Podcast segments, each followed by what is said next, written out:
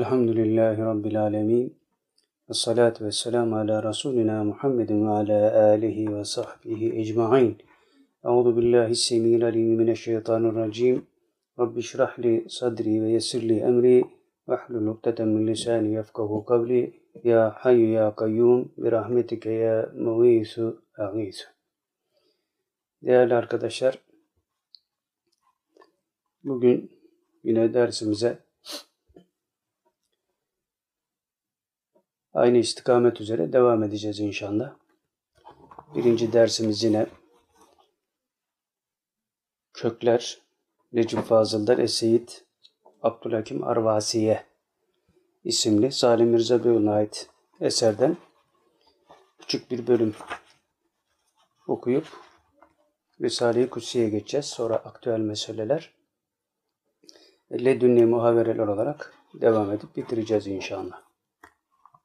Tabi hadiseler çok hızlı akıyor. Memlekette hareketlilik var. Dünyada hareketlilik var.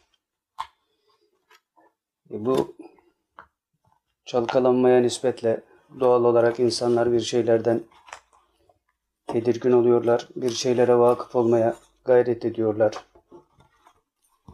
Bilhassa sosyal hayatın çalkantısında herkes kendine bir istikamet tutturmaya çalışıyor becerebildiği kadar. Biz de aynı şekilde becerebildiğimiz kadar bir takım hadiselere muttali olmaya çalışıyoruz. Fakat tabii işin her zaman ifade ettiğimiz gibi bir odak noktası var. Hani zaman zaman hatırlatırız ya bu dünyaya gelirken kimse bize niçin geldiğimizi, niçin gelmemiz gerektiğini veya gelecek misin, gelmek ister misin diye sormadılar. Bizi alırken de kimse bize bir şey sormayacak. Yani ölmemek elde değil. Dolayısıyla gelişi ve gidişi bizim elimizde olmayan bir hayatı elinde kimin elindeyse ki Mevla Teala Hazretleri'nin elinde buna göre tanzim etme mükellefiyeti altındadır. Altındayız. Dolayısıyla her zaman söylediğimiz gibi Allah'a kabadayılık olmaz. Hayata geliş gayemizi bilerek istikametimizi muhafaza etmemiz lazım. Şimdi burada okuyacağımız şey de bir bakıma bunun sinyali mahiyetinde. Diyor ki, dedi ki diye naklediyor kumandan Salih Mirza Beyoğlu. Dedi ki, ölmek için doğuyoruz. Yani her doğan ölümü tadacaktır.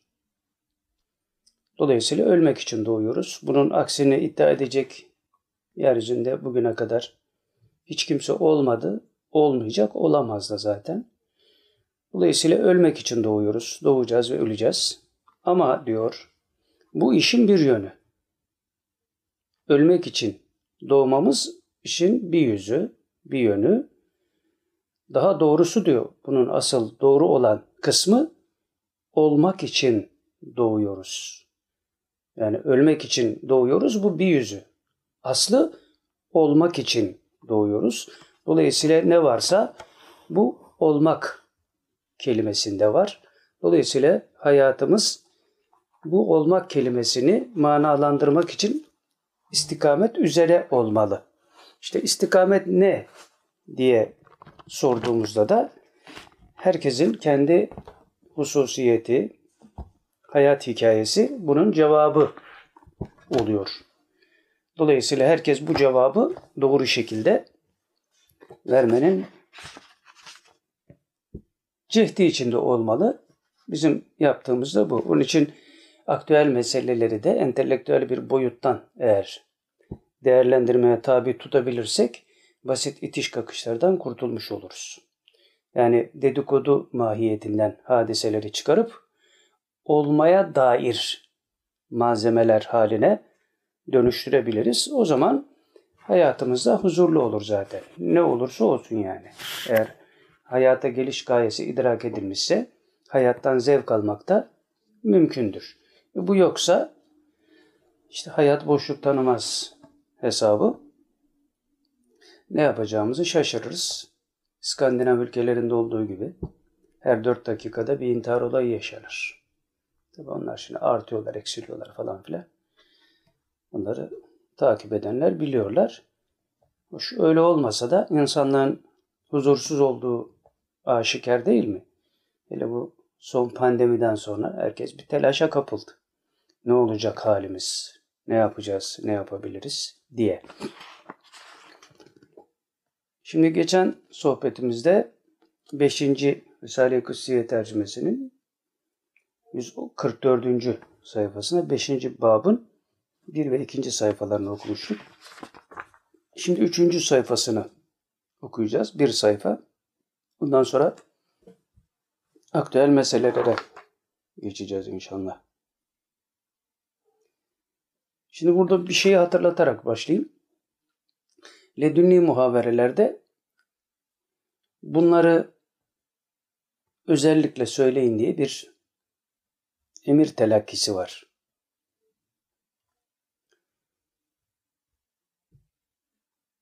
Hayır pardon. Ee, Ledünni muhaverelerde değildi ben karıştırdım herhalde. Şeyde aktüel meselelerde pardon. Aktüel meselelerde bir mesele söz konusu. Orada şüpheden ari olmak yani inandığımız şeylerde kavi olmamızla alakalı bir mesele var.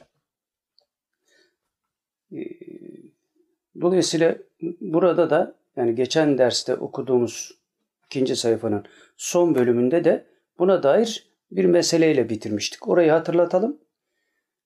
Diğer meseleye geldiğimizde burayı tekrar hatırlarız. Ne diyordu İsmet Garibullah Hazretleri?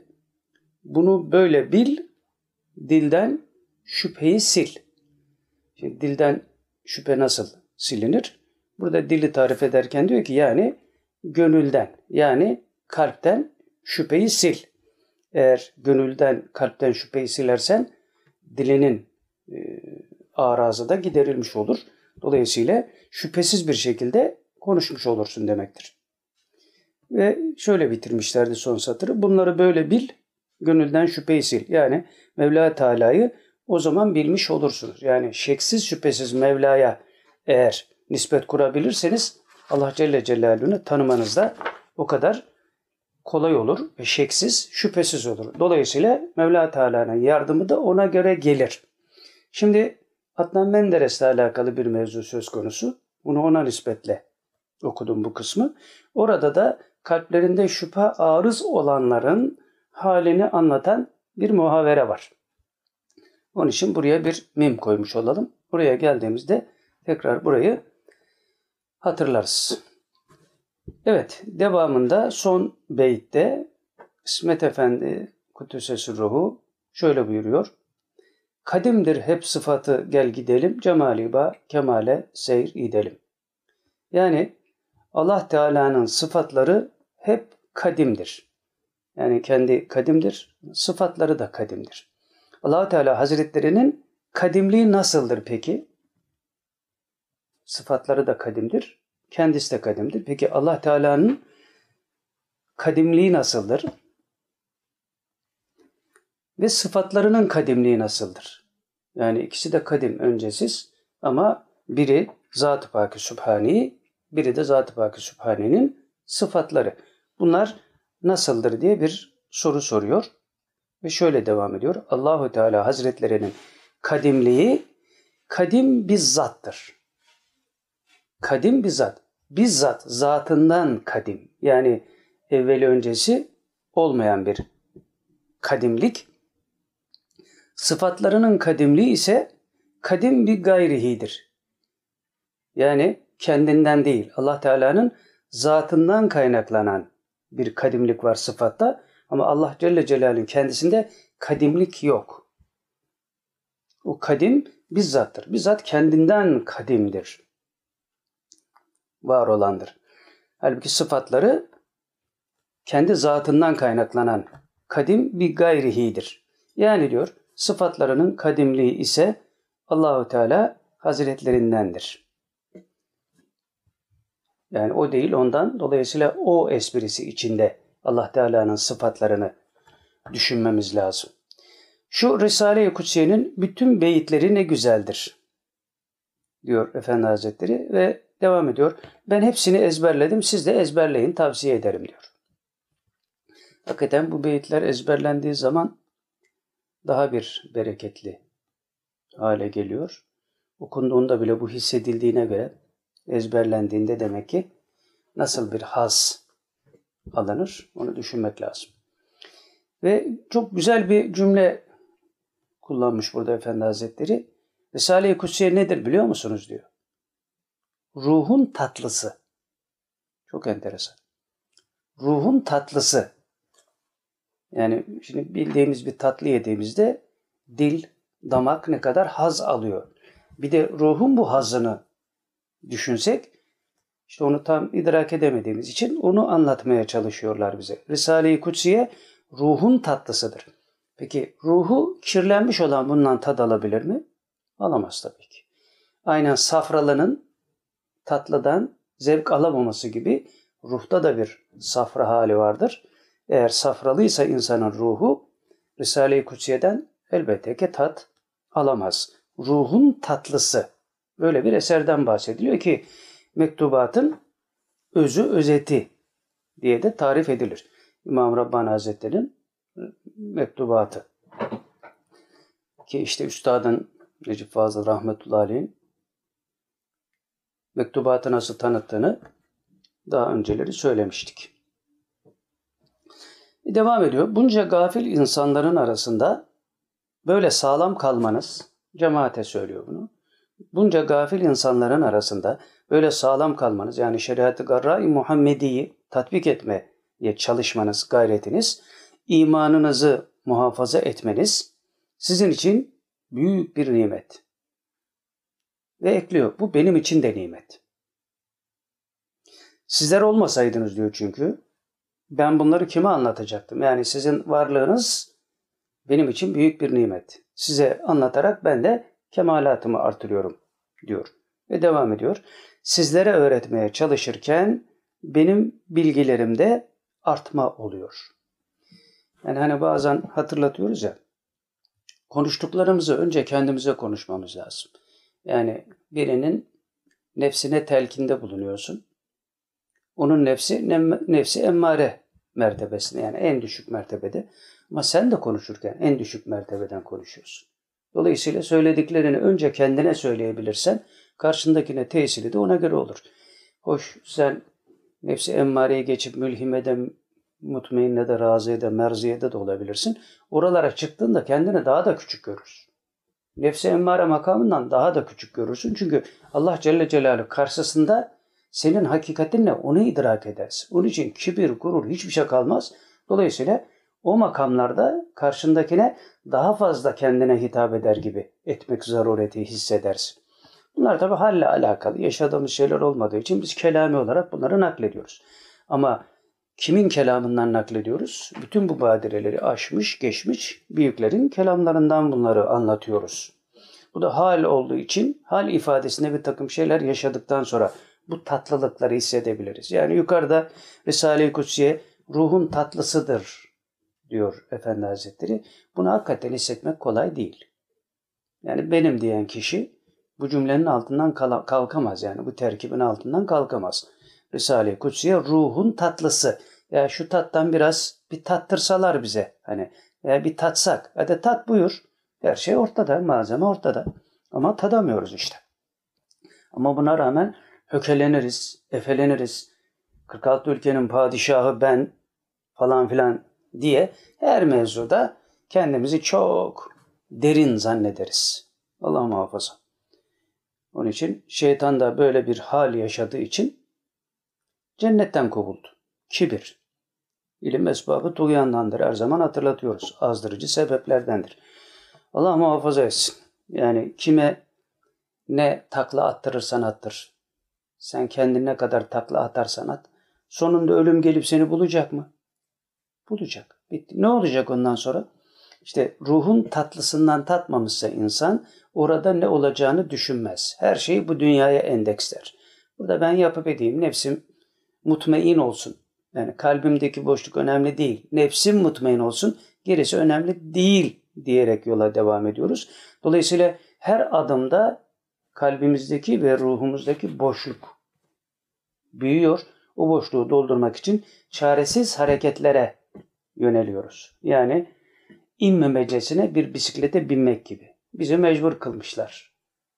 Evet bisiklete binmeyi seviyoruz ama hiç inmeyeceksin diyorlar. Ya nasıl inmeyeceksin yani? Belli ki yorulduğunda bir felaket yaşayacaksın yani. Bu durumlara düşmemek için laf dinlememiz lazım. Onun için ruhun tatlısı olan şeylerden tad almaya bakmak lazım. Bütün hani aktüel meselelerden bahsediyoruz, siyasi meselelerden bahsediyoruz. Onların hakikatini idrak edebilmek için de ne diyoruz? Entelektüel bir boyuttan bu hadiselere bakabilirsek eşya ve hadiseleri tasarruf etme etkimiz daha kuvvetli olur işte. O da bu ruhun tatlısından tadabildiğimiz kadardır yani. Ruhun tatlısı sadece Risale-i Kutsiye değil. Kur'an, sünnet, icma, kıyas, evliya kelamı noktayı nazarından bütün hikmetler ruhun tatlısıdır ve ruhu besleyicidir. Yoksa kuru kuru bir kitabın reklamını yapmanın bir manası yok. Zaten o kitabı yazanlar da öyle yapmamışlar. Evet, burada diyor ki Efendi Hazretleri, rahmetli anam diyor, derdi ki diyor, uşacığın kuymağı, neneciğin doymağı. Böyle dermiş Efendi Hazretleri annesi. Uş, uşacık, uşacık dedi, bizim memlekette küçük çocuklara uşak derler. E uşağım diye yani hitap edilir ya. Kuymak da bizim memlekette unla yapılan çok sevilen bir yemektir. Uşacığın kuymağı yani yediği yemek diyor. Neneciğin doymağıdır. Eğer çocuk kuymak yer doyarsa nene diyor doymuş olur. Yani anne, nene çocuğu doyurduğu zaman kendi doymuş gibi olur. Ona meyli öyledir. Anam da böyle derdi diyor. Uşacığın kuymağı, neneciğin doymağı. İçinizden bir kişi, şimdi bir bakıma Efendi Hazretleri kendisini anne makamında, bizleri de çocuk makamında e, tahayyül ederek söylüyor bunu. Burada açıklarken diyor ki, içinizden bir kişi bu sohbetten geri kalsa, yani şu anda ben sohbet ediyorum size diyor. Bundan bir kişi geri kalsa sanki diyor kolumun biri koptu gibi oluyorum diyor. Yani uşaklarımdan biri veya kızlarımdan biri onlara da paççı derler bizim orada. Uşaklardan paççilerden biri aç kalmış gibi hissediyorum kendimi diyor. Böyle bir hal var bende. Bu öylesine kolay bir hal değildir. Şimdi bunu biz yaşasak nasıl yaşarız?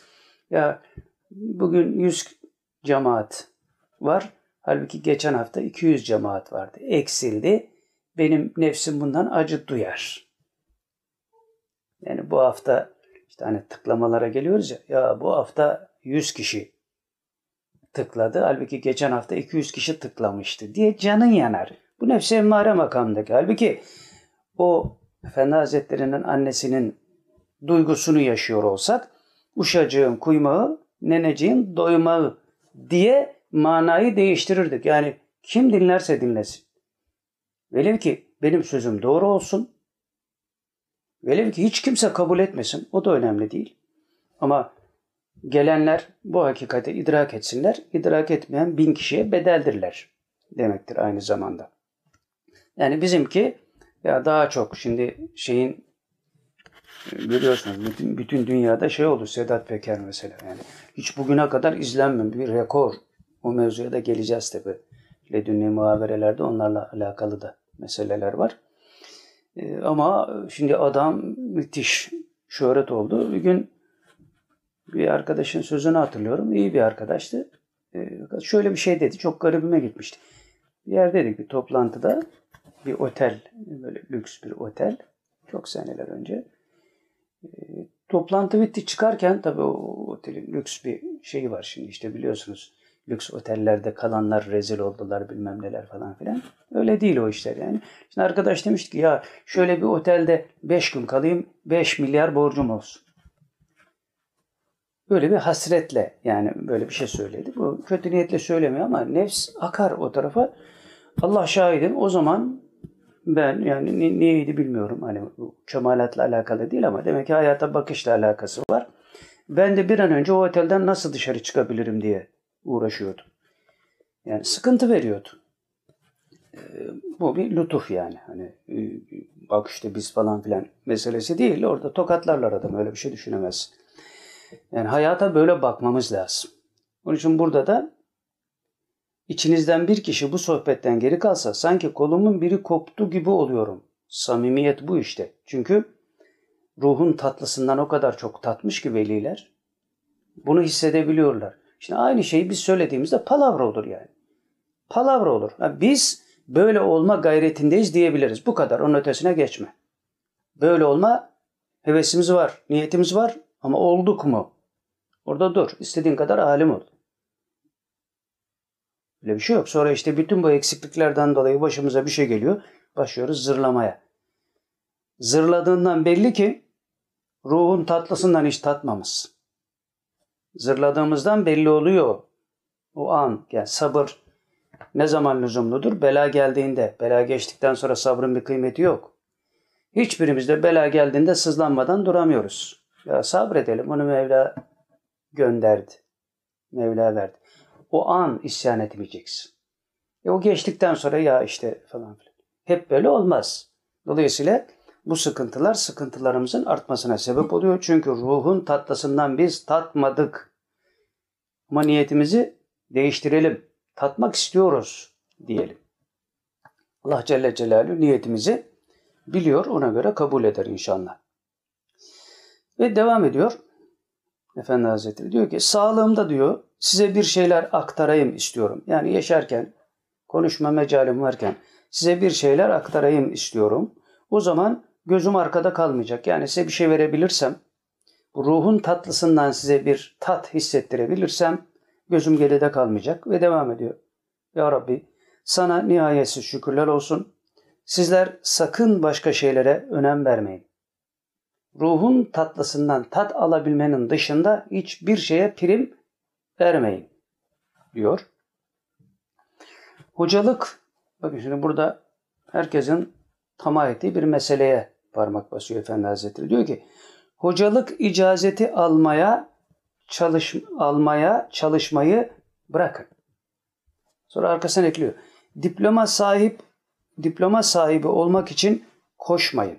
İyi düşünürseniz bunun kötülüğünü anlarsınız, zararını idrak edersiniz. Şimdi bak burada diploma almaya çalışmayın demiyor sadece. Birincide ne diyor? Hocalık icazeti almaya da çalışmayın. Ama hoca olmaya çalışın. Okuldaki diplomanın peşine koşmayın. Oradaki ilme malik olmaya çalışın. Şimdi ne oluyor? Bizim Rasputin'in yaptığı gibi. Önüne gelenden icazet alıyor. Önüne gelenden icazet alıyor. Şimdi dün birisi bir video gönderdi. Önüne gelenler icazet almaya çalıştıklarından birisi de bu sapık çıkan Fatih Nurullah. Onunla bir ilahi meclisinde beraber hu hu falan böyle e, orada şimdi Allah rahmet eylesin daha yeni herhalde dün vefat etti. Seyyid İbrahim Aksai denen zat o da var o şeyde. Onu da işte Rasputin bayağı istismar etmişti. Onun da bir sözünü nakletmiştik. Ya bu ne terbiyesiz adammış diye falan. O da o şeyin içinde Fatih Nurullah'la ya falan filan yani. He. Ondan da icazet almaya yeltendi. Burun buruna ama sonra ne diyordu? Benim onunla hiçbir ilgim yok. Ya kaç tane resmi var ağzına düşüyorsun adamın. Şimdi bu en son gönderilen yani.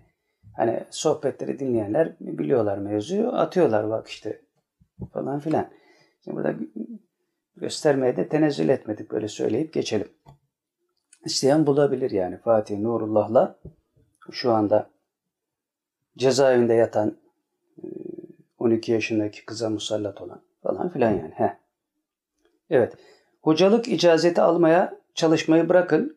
Bunu Mahmud Efendi Hazretleri söylüyor.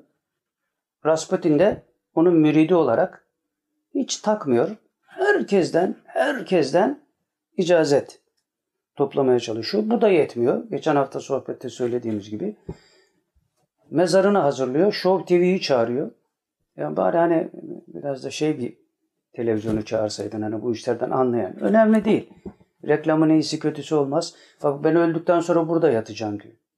Ya bu kadar icazet yetmedi. Şimdi bir tanesi de bugün bir saat önce biri bir şey göndermiş.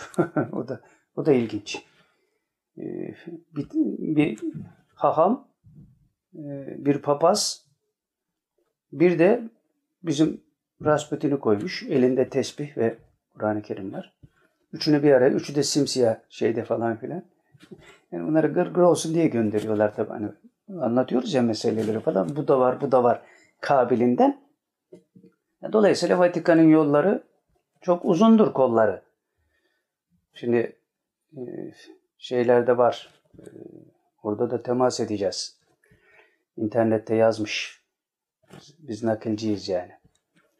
E, kim kimle bir araya gelmiş? Bunların bir araya gelmesindeki mana neye delalet ediyor?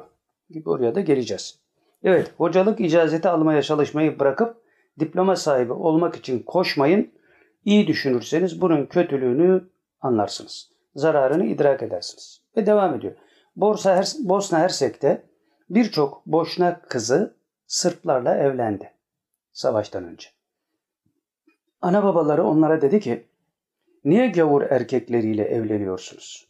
Böyle dediklerinde bu kızlar ağlayıp sızlayıp dediler ki Müslüman erkeğiyle gavur erkeği arasında ne fark var? Böyle diyorlarmış analarına babalarına. Modern hayat yaşıyorlar ya ne fark eder o da insan o da insan. Şimdi ne fark olduğunu gördüler. Savaştan sonra yapılan bir sohbet bu tabii. Şimdi ne fark olduğunu gördüler. Hepsini kestiler. Bir soykırım yaşandı. Kim yaptı bu soykırımı? Onlar işte. Ve devam ediyor. Kafirlerin önem verdikleri ilimlerde bir şey yok. Kafirlerin önem verdikleri ilimlerde bir şey yok. Yani hakikati ifade eden bir şey yok. Filozofları dahil.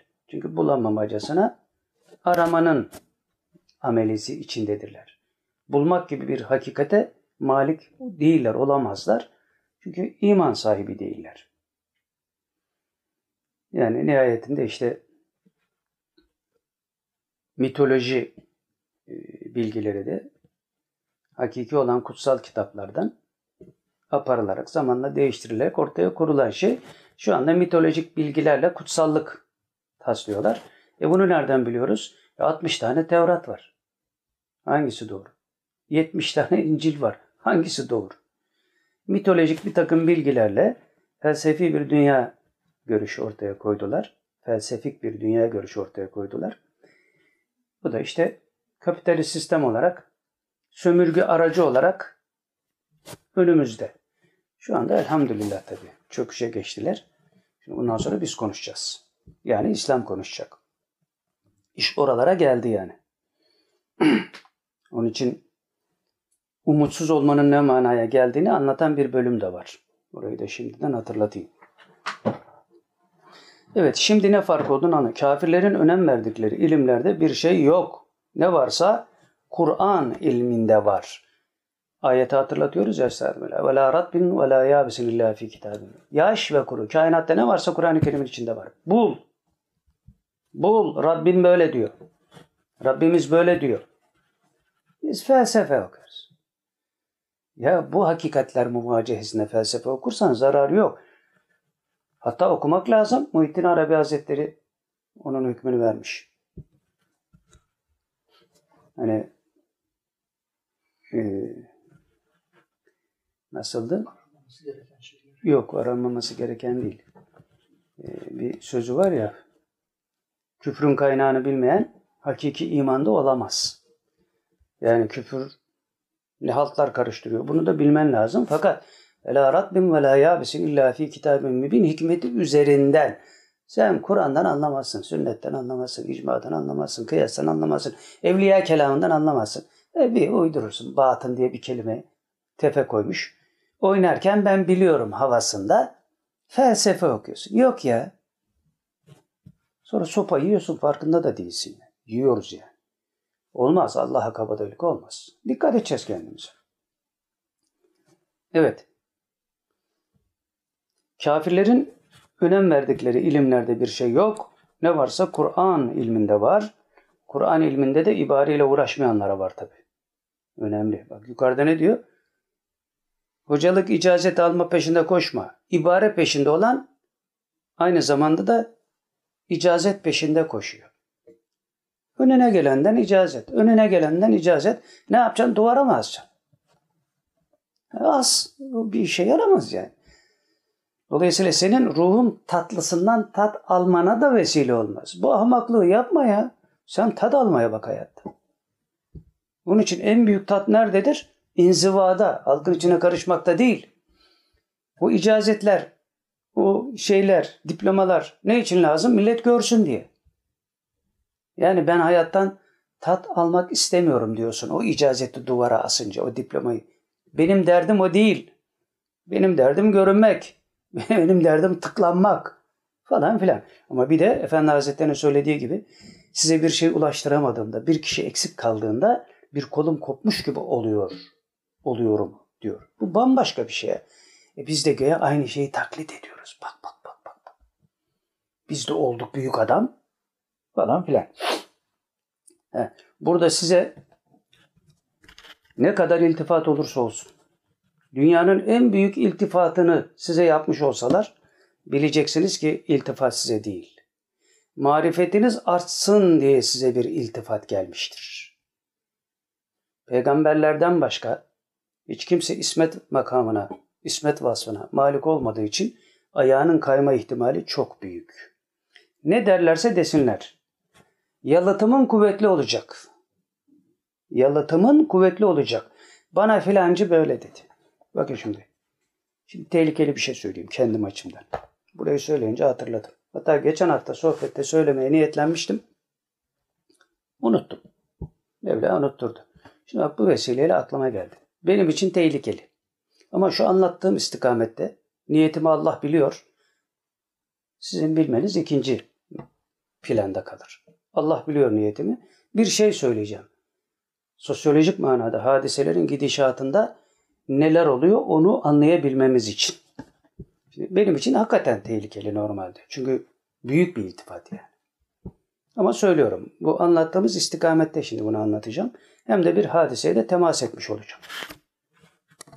Şimdi malum biz bu Rasputin'le Allah rızası için bir kavgaya girdik yani. Onun kalbinde var mı Allah rızası bilmiyorum yani. Ama Allah bizim kalbimizi biliyor. Ha, biz yalan söylüyorsak da bunun hesabını da Mevla bizden soracak. Bu ayrı bir olay. Şimdi tabii işte hani mahkeme mahkeme meseleleri falan filan buna önemli değil. Ama mevzu oraya kadar geldi. Şimdi birisi ledünni muhaverelerden bahsetmiyorum bakın şimdi. Yaşayan birilerinden bahsediyorum ve söylediğinden bahsedeceğim. Onun için diyorum tehlikeli benim için. Ama ben elhamdülillah niyetimi bildiğim için bunu rahat söyleyeceğim. Çünkü zaten benimle alakalı bir tarafı yok. Başta bunu söyleyeyim. Yani benim nefsimin azabileceği bir şey olmasına rağmen hemen peşinden söylüyorum. Benimle hiç alakası yok. Mürşidi kamillerin büyüklüğüyle alakalı bir şeyden bahsediyorum şimdi. Arada benim ismim geçiyor o kadar. Şimdi yaşayan bir zat, çok yaşlı ve bir tarikat şeyhi yolunun da sahih olduğunu tespit ettiğimiz yani büyükler tarafından evet yolları sahihtir denilen bir tarikat. Böyle çok cemaati olmayan bir tarikattan bahsediyor. Şeyh Efendi yaşlı olduğu için hilafeti bir müridine devretmiş. Bundan sonra işte her şeyi ona sorun. Yani ben ilgilenemem bu manada değil. Zahiri meselelerle alakalı. Ona devretmiş. Şimdi o kişi diyor ki biz diyor şeyhimize başvurduk. Dedik ki ya bu Rasputin artık tarikat yolunu bozmaya başladı. Yani yaptığı kusurlar, hatalar kendisine değen taraflarıyla başka.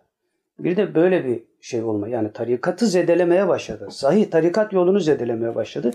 Buna bir şey söylememiz gerekmiyor mu? hani bir muhalefet etmeyelim mi? Edelim mi, etmeyelim mi diye Şeyh Efendi'ye soruyorlar. Bunu soran da halifesi. Baş halifesi yani. Diyor ki mübarek biz onunla uğraşamayız diyor. Çok güçlü. Yani arkasında kuvvetler var. Evet onu herkes söylüyor zaten. Demin ne dedik? Vatikan'ın yolları çok uzundur kolları. Buraya da geleceğiz onunla alakalı bölüme. Şimdi oraya da gelince biraz kendimi bazen şeye benzetiyorum ha. Benzetmek gibi olmasın Sedat Peker'e. Konuşacağız, konuşacağız diyor ya. Şimdi o da ekol oldu yani bir bakıma. Onun mevzunu da çözdük yani elhamdülillah. Bunu da anlatacağız. Şimdi çok kuvvetlidir. Biz ona bir şey yapamayız diyor Şeyh Efendi. Ben mealen anlatıyorum tabii. Ufak tefek şeyler olabilir. Değişiklikler olabilir. Ama ana hatlarıyla söylediğimiz tam yani. Ondan sonra demiş ki bu işe biz bu işlere girdikten sonra daha doğrusu bizi bu işe girdirdiklerinden sonra diyelim. Biz girdik diyemiyoruz. Tasarruf böyle bir şey çünkü yani sen yapmak istemezsin yaptırırlar sana. Yapmak istersin yaptırmazlar. Bunlar başka şeyler. Biz başladıktan sonra bu işe şöyle bir şey demiş. O mübarek zat. Bu işe demiş Saadettin'in girmesi iyi oldu. Çünkü sülaleden birisi yani Efendi Hazretleri'nin akrabalarından birisi olarak girmesi iyi oldu. Ve ona yani bizi kastederek ona İsmet Efendi Baba Kuddüs'e Sırrahı da yardım ediyor. Yani şu Risale-i Kutsiye'nin sahibi olan zat. Bundan bir iki asır önce yaşamış bir zat. O da ona yardım ediyor. Diyor. Fakat sonra işte şimdi tehlikeli cümleye geliyorum. Yani şu anda da kalbimi yokluyorum elhamdülillah. Öyle bir şey yok çünkü benimle alakası yok. Mürşidi Kamil'in büyüklüğünün delilini söylüyorum şimdi. Mürşidi Kamil kim? Bir sürü Mürşidi Kamil var. Şu anda bizim istikametinde olduğumuz Mürşidi Kamil Efendi Hazretleri. Dolayısıyla ona ait bir söz bizim üzerimizden söylenmiş oluyor. E şöyle diyor o Şeyh Efendi. Şu anda diyor Saadettin'in yaptığını 150 veli bir araya gelse yapamaz. Şimdi normalde ben kendimi biliyorum. Bırak 150 veli, yarım veli, yarım veli varsa, yarım veli olmaz da, yarım veli veya çeyrek veli, çeyreğin çeyreği velinin yaptığını ben yapamam. Kendim biliyorum çünkü. Halim ortada. Peki niye bu söz söylendi? Şimdi bak, bir üst misalle buraya gelelim. Ne diyoruz? İsterse Mevla kainatı bir sivrisineğin kanadında taşıyabilir mi?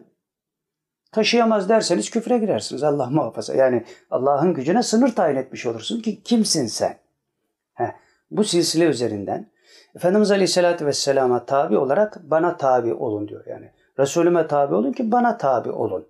Dolayısıyla Resul'e tabi olmak Allah'a tabi olmaktır. Bu silsile içinde Efendimiz Aleyhisselatü Vesselam ne buyuruyor? Benim ümmetimin velileri, alimleri, beni İsrail peygamberleri gibidir. Onlara tabi olarsanız bana tabi olursunuz. Dolayısıyla bir mürşidi kamilin nispeti Allah Resulüne, Allah Resulü'nün Allah Celle Celaluhu'ne.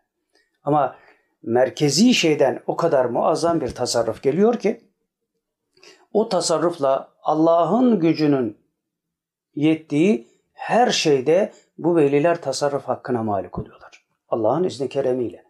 Allah istemese yaprak sallanmaz. İster veli ol, ister deli ol yani. Öyle de bir şey yok.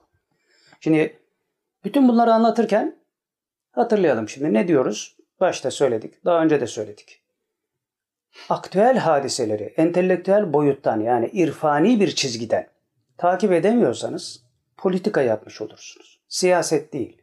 Şimdi biz politika yapmama gayreti içinde siyaset konuşurken bunları böyle söylüyoruz.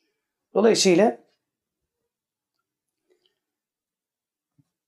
bu böyle şey işi falan değil. Ee, yani cinler, minler falan. Onlar da olsun canım. Zararı yok. Ama bu işler öyle işler değil.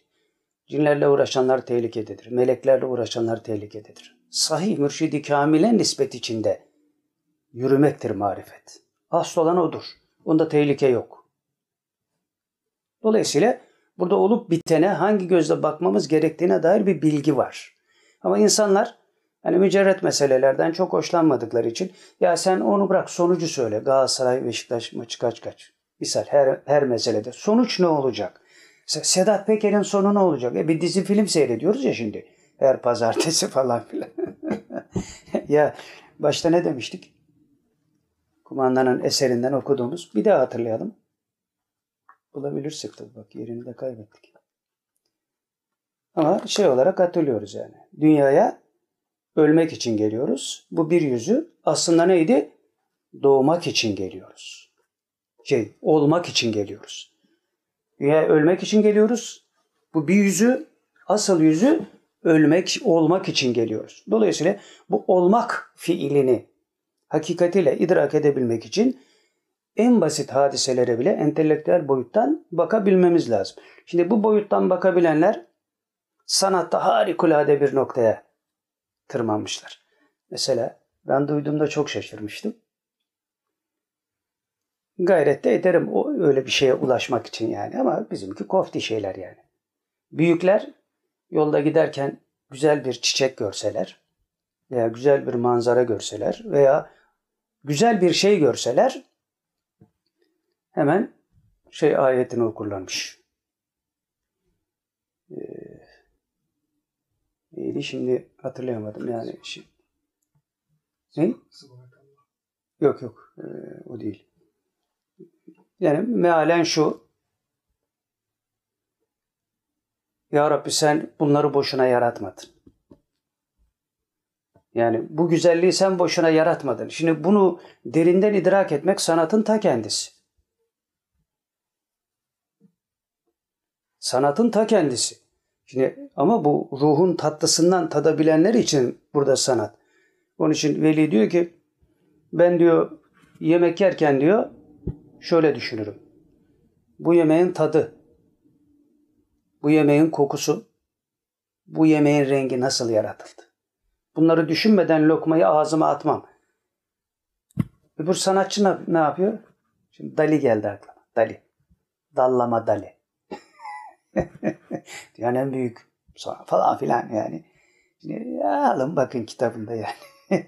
Yerlenme ile alakalı da şey yazmış adam. Perişanlar yani. Perişanlar yani. Şimdi kadın nasıl falan filan. Alın bakın kadını nasıl kullanmış.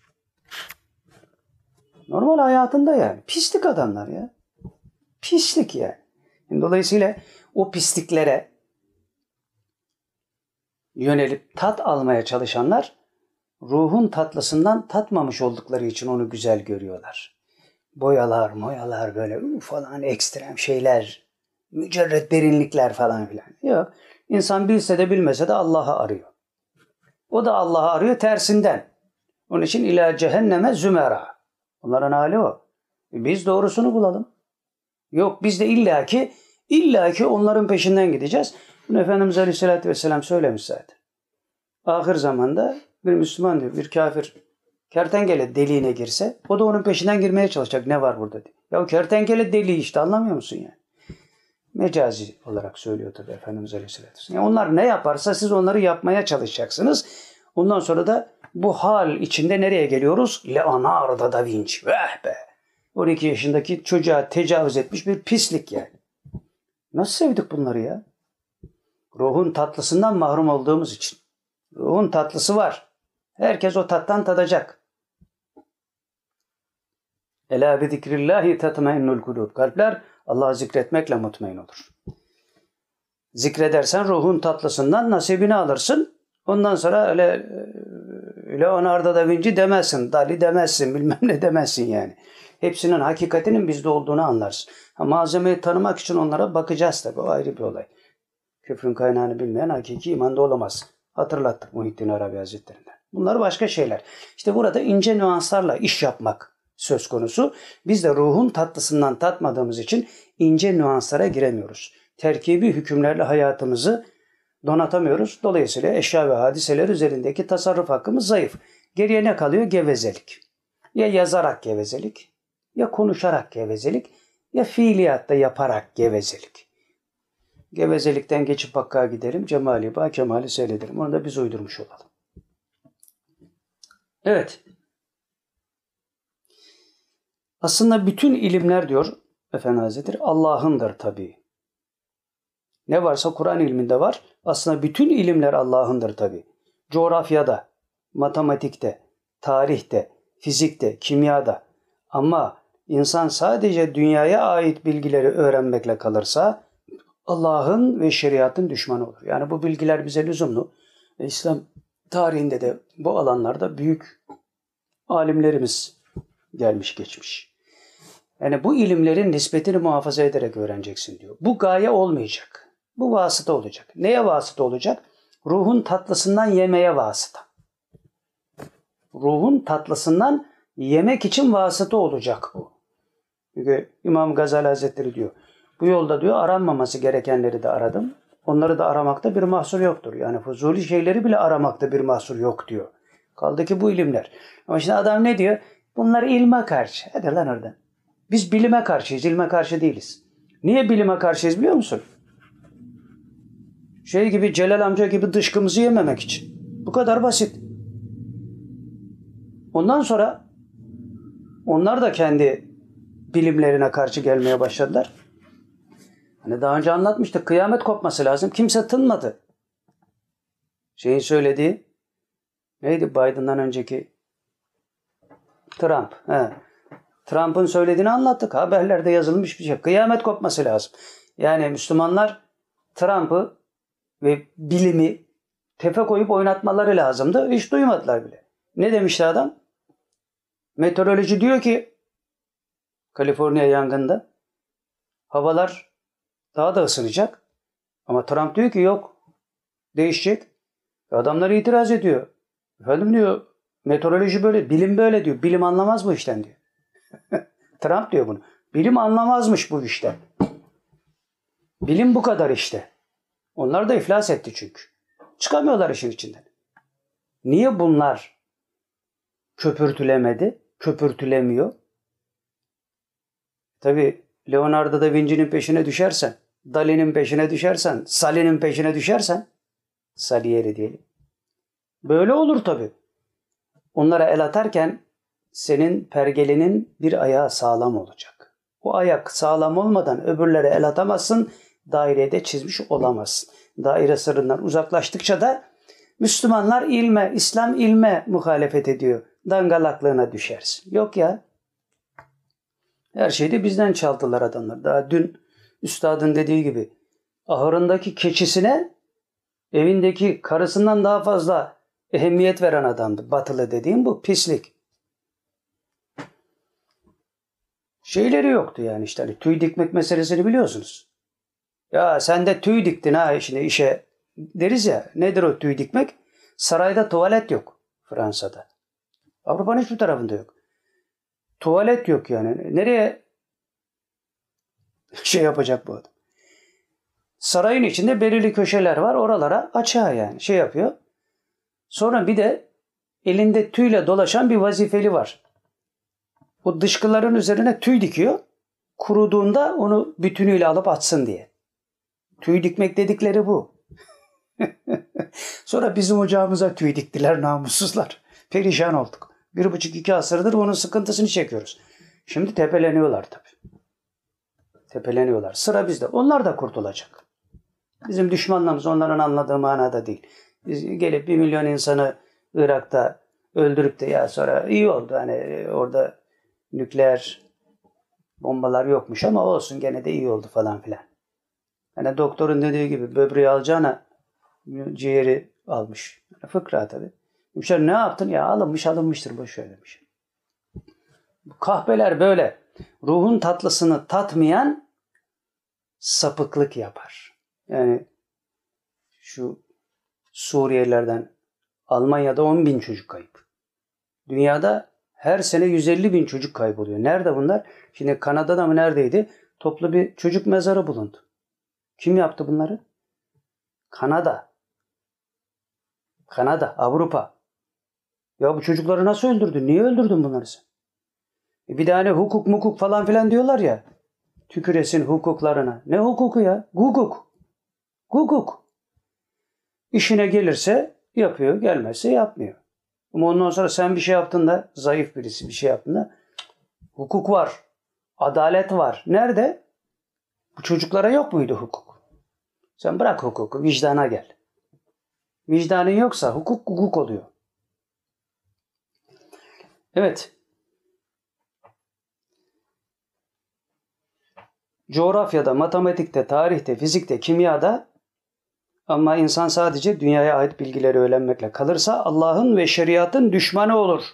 Şeriatı garraya düşman olduğunda da ruhun tatlısından mahrum kalırsın. Ondan sonra toprakta kıvranan solucan misali hayatı yaşadığını zannedersin. Zan hakikat belirtmez. Kaç kişi var diye soruyor Efendi Hazretleri. Hem dünya ilimlerini hem de ahiret ilimlerini bitirmiş. Kaç kişi var diyor. Gösterin bakayım diyor. Kaç kişi var? Üniversiteyi bitirince uzak gibi yatıyorlar diyor. Şimdi elinde diploması olan herkes onu şikayet ediyor. Ya bunlara iş bulun falan filan. Ya niye okuttun bunları? Okuttun da bir şey okutmadın. O da ayrı bir olay da. Çünkü herkes diplomaya talip. Üniversiteyi bitirince diyor buzak gibi yatıyorlar. Ahiret böyle kazanılır mı? Kazanılmaz diyor. Kazanılmaz. Olmaz. Ömrünün sonuna kadar. Dünyaya ölmeye geldik. Daha doğrusu olmaya geldik. Yatamazsın buzak gibi diyor. Allah muhafaza. Evet. Burada Risale-i Kutsiye dersimizde bitmiş oldu. 40. beyte geldik. 147. sayfa. İnşallah bir dahaki sohbette nasip olursa kaldığımız yerden devam edeceğiz. Şimdi gelelim aktüel meselelere. Hani zurnanın zırt dediği yer diyorlar ya. Bugün kısa tabi ama mühim şeyler var.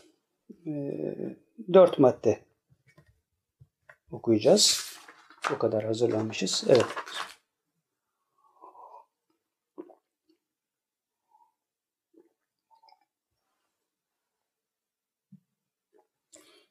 Şimdi birinci maddemiz bizim başlığı daha doğrusu inanmayanlarla işimiz olmaz. Şimdi Risale-i Kutsiye'de de hatırlatmıştık ya böyle bir mesele var diye. Geçen haftaki dersin sonunu okuyarak başlamıştık. Bu inanmayla alakalı bir mevzu var. Yani üstadın söylediği bir şey var ya imanın yarısı olsaydı şöyle şöyle olurdu falan diye. İmanın yarısı olmaz. Ya inanacaksın ya inanmayacaksın. İnancında kavi olacaksın. İnandım diyorsan bunun kuvvetli olmasına bakacaksın. Yarım imanla olmaz. Şimdi burada da biz hep istikameti üzerinde durduğumuz meseleleri takviye babında bir ayet-i kerime hatırlatırız. Çokça bunu hatırlatmışızdır. Şimdi bunu bir daha hatırlatalım. Estağfirullah. Kem min fiyetin galiletin galebet fiyeten kesireten bi iznillah vallahu ma'as sabirin. Nice az topluluklar, çok topluluklara hakim kılınmıştır. Allah sabredenlerle beraberdir. Bu sabır kısmı zaten başlı başına bir mesele. Yani çağımıza hitap eden en önemli ayetlerden birisi. Çünkü insanlar artık sabırsızlaştı. Her şey hemen olsun istiyorlar. Ve dünyada olsun istiyorlar. Onun için şehit kumandan Mirza Beyoğlu diyor ki herkes peşine talip diyor. Yani dünyada olsun istiyor. Halbuki peşin ahirettir. Dünyadaki elinde kalmayacak, öbürü kalacak. Elinde kalandır peşin. Ama sen ters bir yorumla bu dünyada olsun diyor. Yani dünya nefs için peşindir. Ahiret ruh için peşindir. Ruhun tadından tatlanmış olanlar bunu anlar. Şimdi burada da öyle enteresan bir şeyle karşılaştık ki internette bunu yayınlayan, belgesiyle birlikte yayınlayan Abdülhamit Han Hazretlerinin torunu Nihan Osmanoğlu. Twitter'da belgesini de koymuş ve yayınlamış. Bu belge Akşemseddin Hazretlerinin Fatih Sultan Mehmet Han Hazretlerine yazdığı mektup. Bu mektuptan bir cümle nakletmiş Nihan Osmanoğlu. Bir cümle ama cümlelerin cümlesi. Hani devletlerin devleti kurulacak demişti ya Şeyh Edebali Hazretleri. Ha, bu da cümlelerin cümlesi. her dönemde demek ki bazı şeyler yani buna maraza demeyelim, bedi zevki incitmeyelim ama bazı eksiklikler oluyor. Şimdi de aynı şey yaşandığı için bu çok ilgimizi çekti. Şimdi mesela bir sürü şey var. Ülkenin gidişatı, dünyanın gidişatı herkes bir şey söylüyor. İşte birilerine soruyorlar. Bu konuda politikacılar, siyasetçiler, iktisatçılar, içtimaiyatçılar, felsefeciler, ruhçular, metafizikçiler falan falan herkes bir şey söylüyor. Hepsinin söylediği doğru olmadığına göre bir tanesi çıkacak. Hangisi isabetli konuşuyor? Şimdi bu veliler silsilesinde de böyle. Yani Evliyaullah silsilesinde de böyle. Bir Evliyaullah keşfinde yanılmıştır. Öbürü hakkali yakın hadiseye vakıftır. O ısrar eder. Öbürü de doğru olduğunu zanneder ama onun makamı itibariyle söylediği şey zandan ibarettir. Zandan ibarettir. Keşifte yanılma payı da var. Fakat diğeri bunu yakin halinde idrak ettiği için ısrar eder. Bunlardan birisi de Akşemseddin Hazretleri. O dönem biliyorsunuz Sultan Fatih'i İstanbul'u kuşatmaktan vazgeçirmeye çalışıyorlar. Hatta ne kadar doğru bilmiyorum ama şöyle bile söyleyenler olmuş. Ya genç bir delikanlının peşine düştük bir maceraya kaptırdık kendimizi. Bundan kurtulmamız lazım. Yani bu işten vazgeçmemiz lazım. Zaten bir türlü de fethedilemiyor İstanbul. Çok zor bir hadise. Sultan Fatih ısrar ediyor. Bu arada onu vazgeçirmek isteyenler var. Fakat bir kişi var ki bir söz söyleyerek hadiseyi bitiriyor. Bu belgede de o söz var. Söyleyen Akşemseddin Hazretleri Fatih'e yazdığı mektupta aynen cümle şu.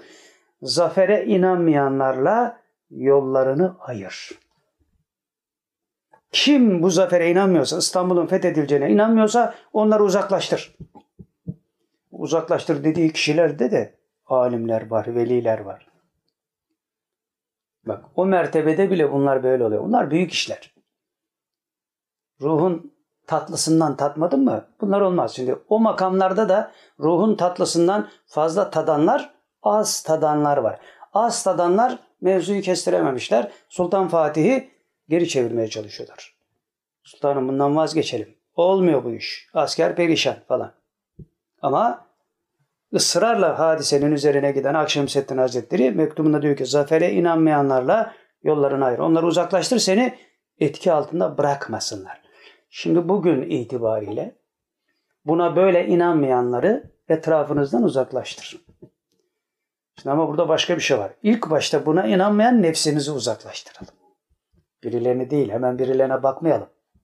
Biz inanamıyoruz, biz. Onun için ha, inanıyorsak da işte yakini ne kadardır? Ne kadar kaliteli bir yakin söz konusudur yani kesin bilgi. Bu kalple alakalı.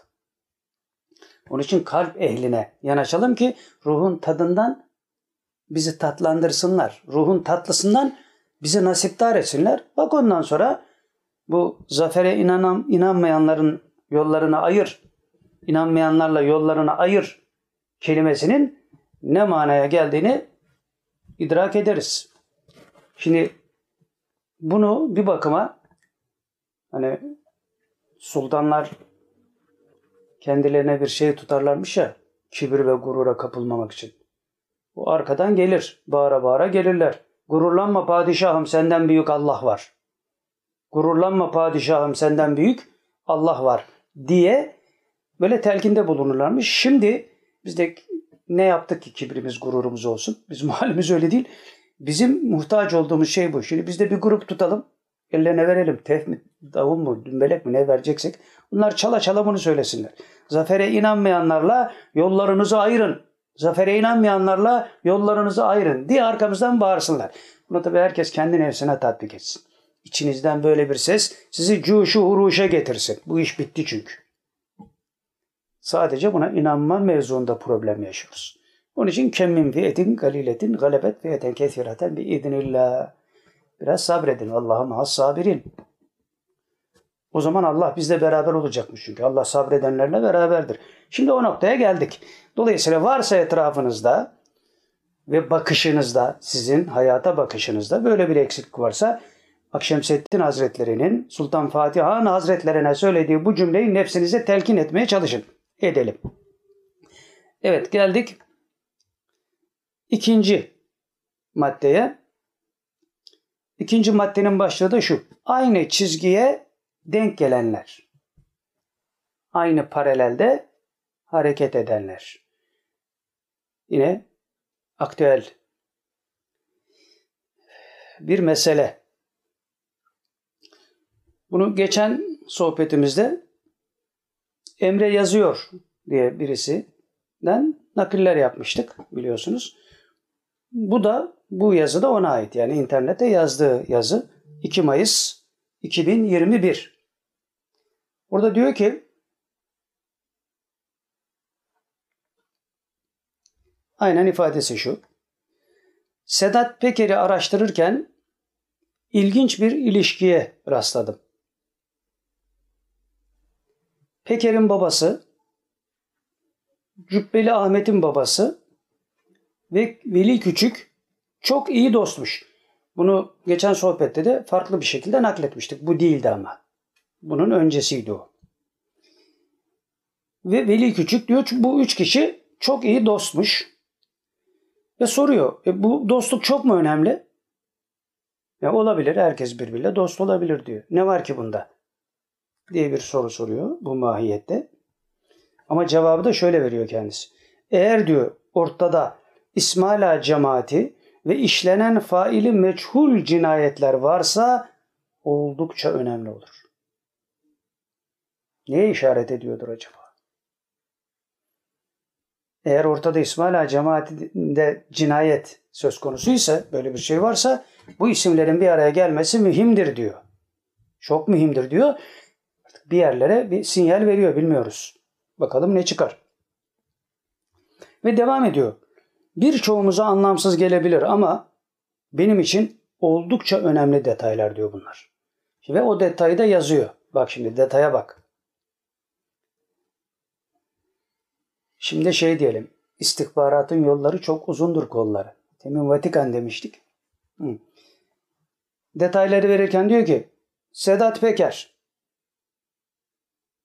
virgül koymuş.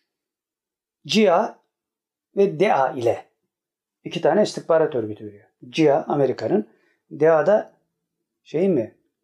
Birleşik Arap Emirlikleri miydi? Neyse onu bilmiyoruz. DEA diye bir tane de şey. Bunlar aynı hizada demek istiyor. Sedat Peker, CIA ve DEA ile. Cübbeli Ahmet, CIA ile Mehmet Eymür, eski istihbarat daire başkanı, Mehmet Eymür, CIA ile ve Veli Küçük, CIA ve Mossad ile görüşüyor. Biz şimdi bu Emre yazıyorun yalancısıyız tabi. Yani yalancısıyız derken her şey havada uçuyor aslında. Herkes her şeyi biliyor da şu anda biz onun yalancısıyız diyoruz.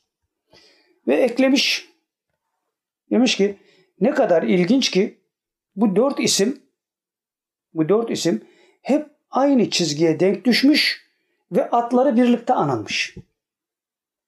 Neden acaba? Neden olabilir? Ve oradaki koyduğu mim önemli. Bunların diyor birbirleriyle görüşmesi niye önemli olsun? Ama diyor İsmail Ağa Camisi'nde iki tane cinayet söz konusuysa bu mesele mühimsenir diyor. Bu defterler de açılacak tabii ki. Bu defterler de açılacak. Hiçbir şey havada kalmayacak. Şimdiden titreyenler var. Daha önce de söylemiştik. Birileri titriyor. Şimdi Sedat Peker'den sonra daha fazla titremeler başladı. Çünkü her şey çıkıyor ortaya artık. Kim ne pislik yapmışsa hepsi çıkıyor. Çıkacak da. Dolayısıyla kimse kafasını çıkarmasın. Ezerler kafanızı ezerler. Zafere üç adım kaldı Allah'ın izni keremiyle. Onun için zafere inanmayanlarla yollarınızı ayırın. Evet geldik üçüncü meseleye. Zaten dört maddeydi. Evet. Üçüncü maddenin başlığı peştemallı şeytanın kapısını çalan kim? Şimdi bir dönem tasavvuf ehline peştemallı şeytan diyen bir sakat bir tip çıkmıştı. 28 Şubat dönemlerinde. Televizyonlar, televizyon televizyon gezer, tarikat ehline, ehli tarike hakaret eder ve peştemallı şeytanlar diyen bir şeytan yani bu. Bize şeytan diyor yani bu. Öyle bir şeytan bu. Şimdi onunla alakalı 24 10 2006 tarihli Hürriyet gazetesinde bir haber. Tabi onunla alakalı değil de onun ismi geçiyor. Diyor ki haberde İran'a demir satması için İran'a o günkü şartlarda demir satması için İslamcı yazar İsmail Nacar'ın kapısını çalan bu Müslümanlara peştemallı şeytan diyen bu İsmail Nacar. İslamcı yazarmış. İslamcı yazar yani İran'a demir satması için İslamcı yazar İsmail Nacar'ın kapısını çalan Yusuf Ünlü Rasputin'in babası Yusuf Ünlü oğlunun kariyer planlamasıyla ilgili olarak da Rasputin'le alakalı olarak da babası şöyle demiş. Haberin yalancısıyız biz. Kimin ne zaman öleceği elbette belli olmaz. Ancak Efendi Hazretleri yani Muhammed Efendi Hazretleri ölürse yerine oğlum geçecek. Hiç tereddütüm yok diye konuşuyordu. Hadi buyur. Makam orada. Baban da böyle demiş. Hadi. Acayip de icazet topladın. Hatta en şerefsizinden bile almışsın. Fatih Nurullah'tan. Hadi buyur. Dayanamayınca mahkemeye koştu şimdi. Dur orada neler olacak. Allah. Kıyametler kopacak orada. Bütün dosyaların açılacak. Bütün dosyaların açılacak. Hepsi tekrar. Bizim davamızı unutacaksın zaten sen. Unutacaksın. Bin pişman olacaksın. Şimdi başka çakallar var tabi onlara da çakacaklar. Bunları da o zaman anlayacaksın sen. Şimdi anlayamazsın. Başka bir şeyler oluyor yani Allah'ın izni keremiyle. Biz şu şeyde söylendiği gibi zafere inanmayanlarla yollarımızı çoktan ayırmıştık. Bizim böyle bir sorunumuz yok. Zafer inanan için mutlak. Münafık için mutlak değil. Muallak. Görüşeceğiz. Sedat Peker gibi diyelim. Allah'a yemin olsun ki. ya. Şimdi orada da bugün bir haber vardı. Gözüme çarptı da yani not almadım. Şey diyor Sedat Peker'in bir tetikçisiyim diyor yani. Yurt dışında yaşayan birisi. Ahmet neydi? Hatırlıyor musun? Ahmet diye birisi. Neyse. O diyor ki o diyor şey Sedat Peker'in elinde yani da şey var. iki parmağını şey yapıyor. Bir yuvarlak bir şey, top gibi bir şey var falan filan. O diyor hani diyor ya diyor bizim ruhani şeyle doğruların işte ruhani yardımcıları vardır falan. Diyor şeyin annesi diyor cinciydi diyor. Onun yalancısıyız tabi. Onun yanında durduğu için bilir yani o şeyleri. Bu Sivas Spor'un başkanı varmış şimdi hatırlamıyorum. İsmini de söylüyor. Onun annesi diyor. Cimmin işleriyle uğraştığı için diyor. Bu ondan yardım olur. Hatta diyor bir gün diyor kişinin halası diyor bana dedi ki ya bunlar sana bulaştırırlar bu cinlerimleri uğraşma bunlarla. Sedat Peker'in tetikçisi yani. Tetikçisi olduğunu da inkar etmiyor. Şimdi benim konuşmalarımı diyor kimse diyor duymuyor diyor. Çünkü ben hakkı söylüyorum diyor. Yani şey göndermesi yapıyor. O cinleriyle biraz tıklatıyor mevzular hani gibi. Öyle bir şey yok aslında da. O da öyle zannediyor. Burada başka dolaplar dönüyor tabii. Onlara girmiyoruz şimdi. Evet İslamcı yazar İsmail Nacar'ın kapısını çalan Yusuf Ünlü oğlunun kariyer planlamasıyla ilgili olarak da kimin ne zaman öleceği elbette belli olmaz. Ancak Efendi Hazretleri ölürse yerine oğlum geçecek. Hiç tereddütüm yok diye röportaj vermiş. Hiç tereddüt yok. Niye? Bu kesinlik nereden kaynaklanıyor? Halbuki Mürşid-i Kamil belki de en zavallı birisini bırakır yerine veya hiç kimseyi bırakmaz. Cemaat kendini idare eder. Hep tarih boyunca olmuş şeyler bunlar yani. Sen nasıl bu kesinlikle konuşuyorsun?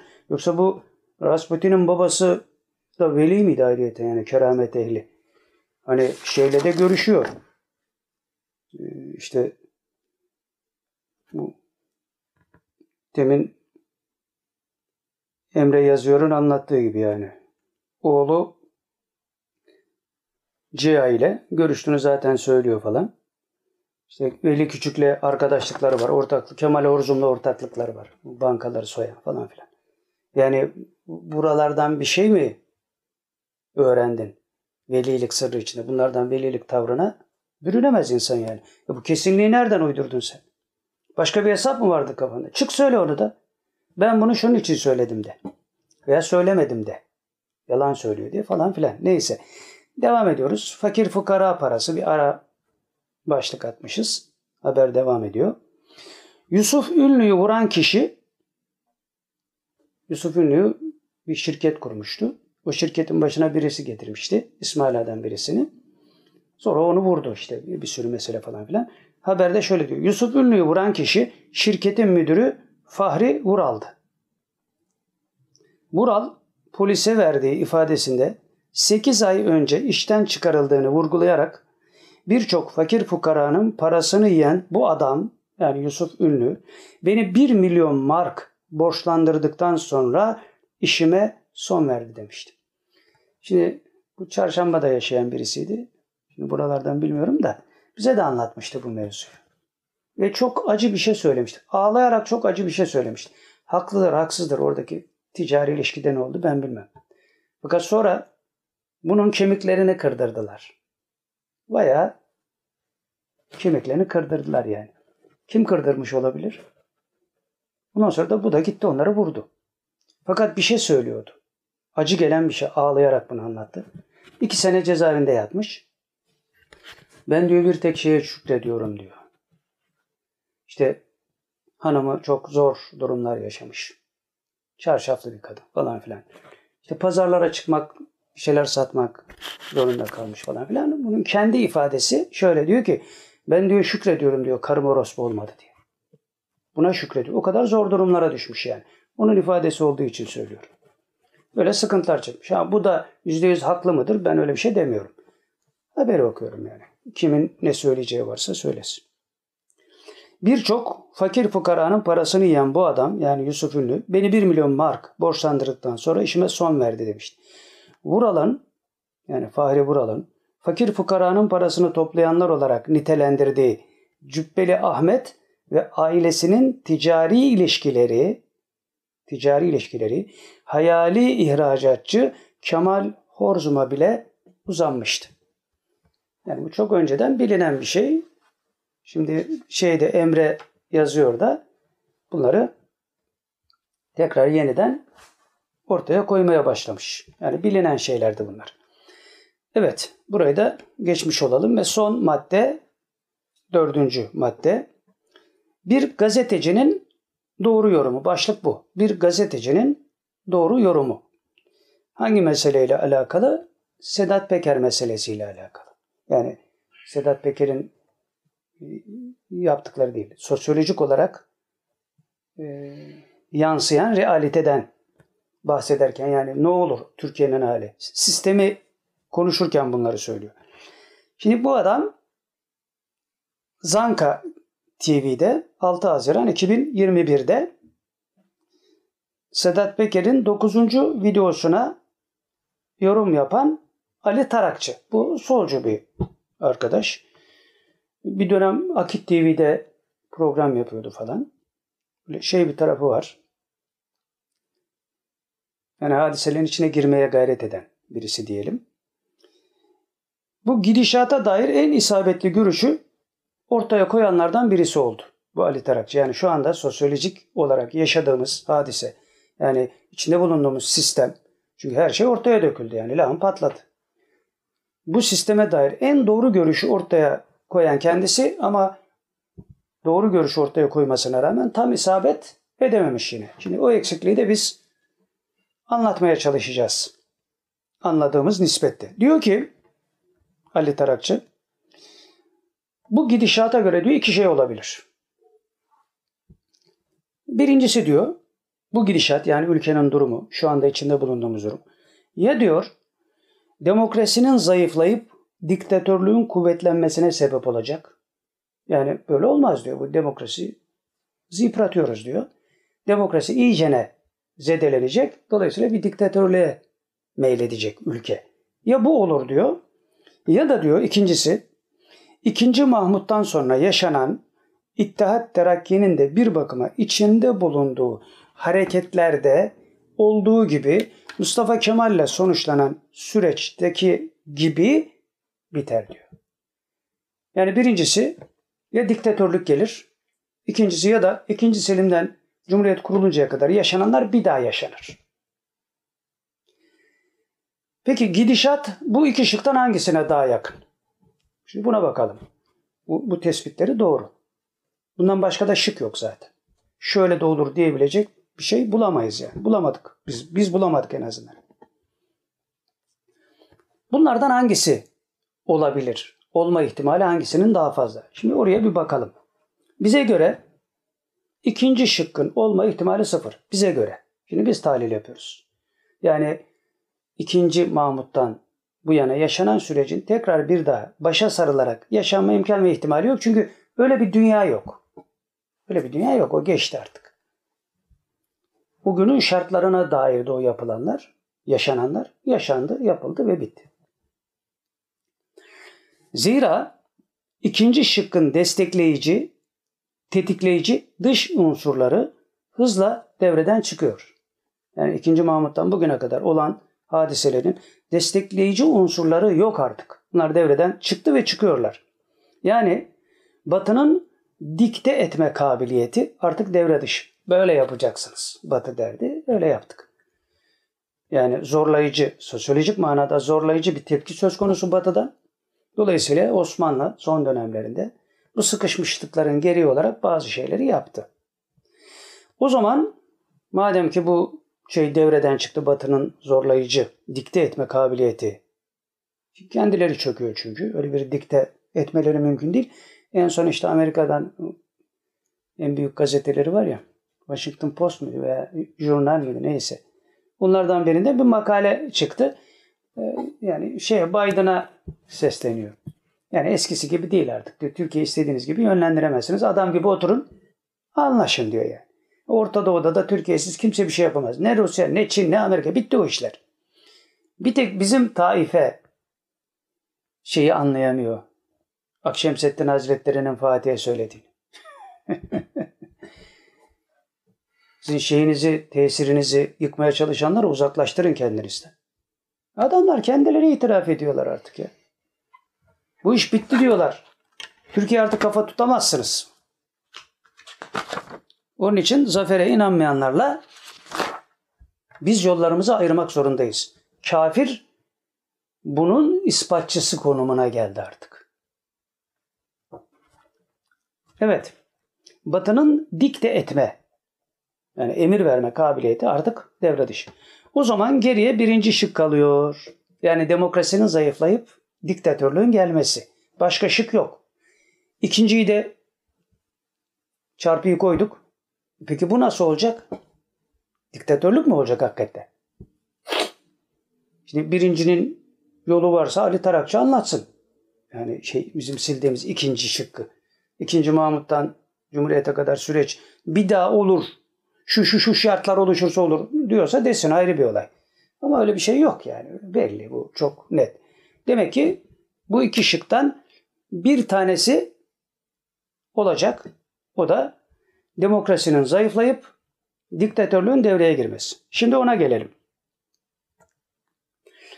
Geriye birinci şık kalıyor ki bu bu şık dış tesirlerin dikte ettirme ameliyesi zayıfladığına göre kendi göbeğimizi kendimiz keseceğiz manasına geliyor. Şimdi Tayyip Erdoğan'a, Cumhurbaşkanı'na ne diyorlar? Diktatör diyorlar. Doğru diyorlar. Doğru biz de diktatör diyoruz ama Bir farkla. Bir farkla. Kapitalist sistem çuvalladı. Toparlayamıyorlar kendini. Komünist sistem zaten gitmişti. Geride bir şey kalmadı. Yerine bir sistem teklifi oluşması lazım.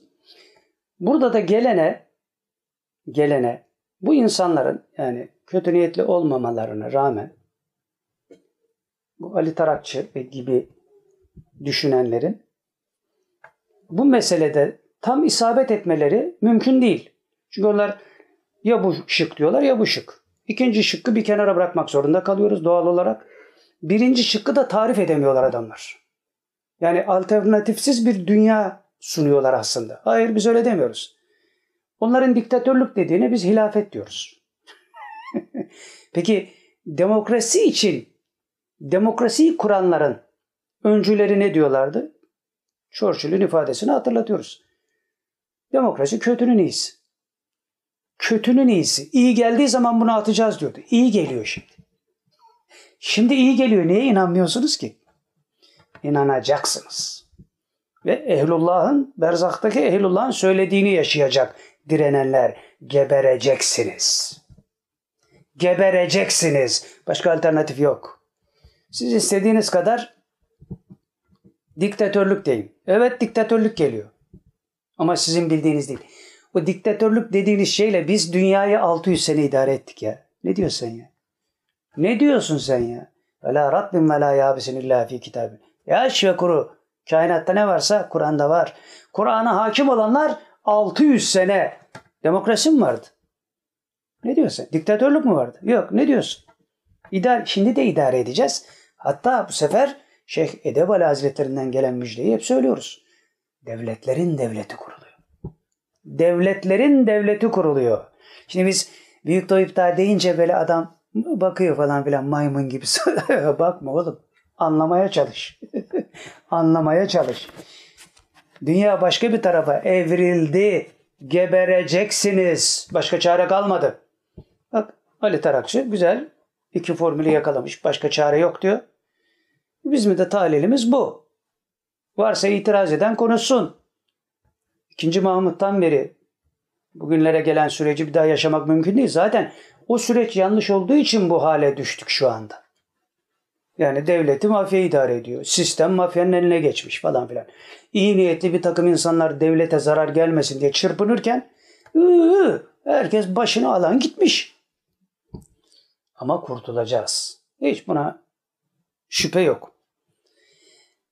Evet, göbeğimizi biz kendimiz keseceğiz. Yani Ali Tarakçı'nın diktatörlük dediği şey kendi göbeğimizi kendimizin kesmesi manasına gelen bir şey.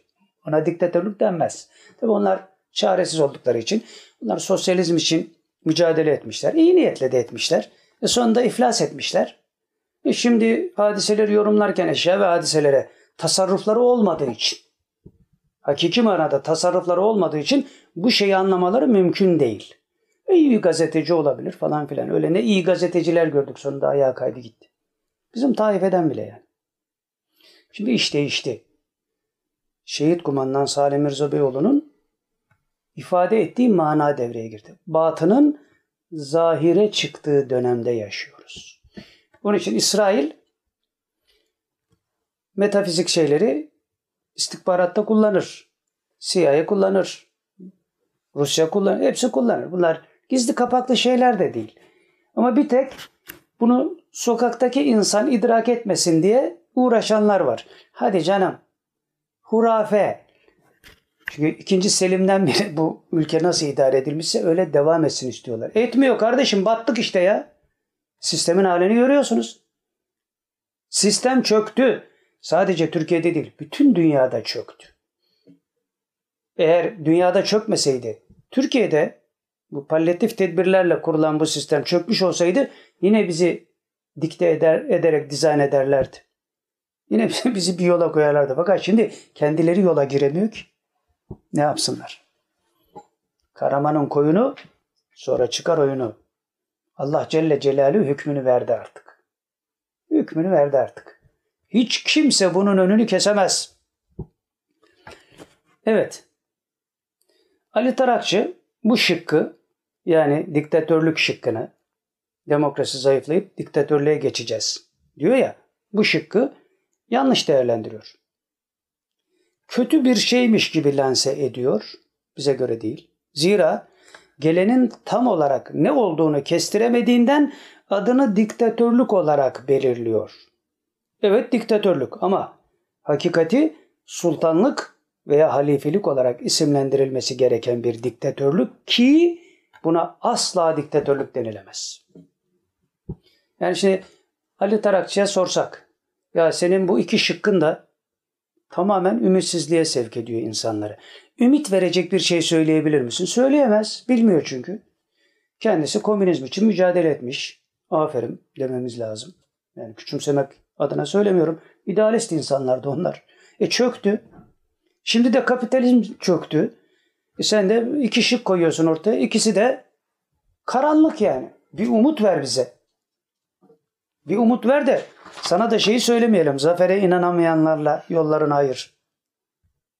Zafere inanmayanlarla yollarını ayır demeyelim sana. Zafere inan. Bizim zaferimizde aynen Osmanlı'da olduğu gibi herkes mutlu ve mesut olacak. Osmanlı'nın da tarihini bir ortaya çıkarabilsek o da olmadığı için işte filmlerle film çeviriyorlar. filmlerle film çeviriyorlar. İşte Kanuni'nin hayatı, Muhteşem Süleyman falan filan. Bizi bile o meselede biliyorsunuz mahkemeye vermişti kadın. Yani bunların sebepleri belli. Osmanlı'yı anlatıyor, Kanuni anlatıyor. Fuhuş albümü gibi bir şey. E bize bir şey söyledik diye.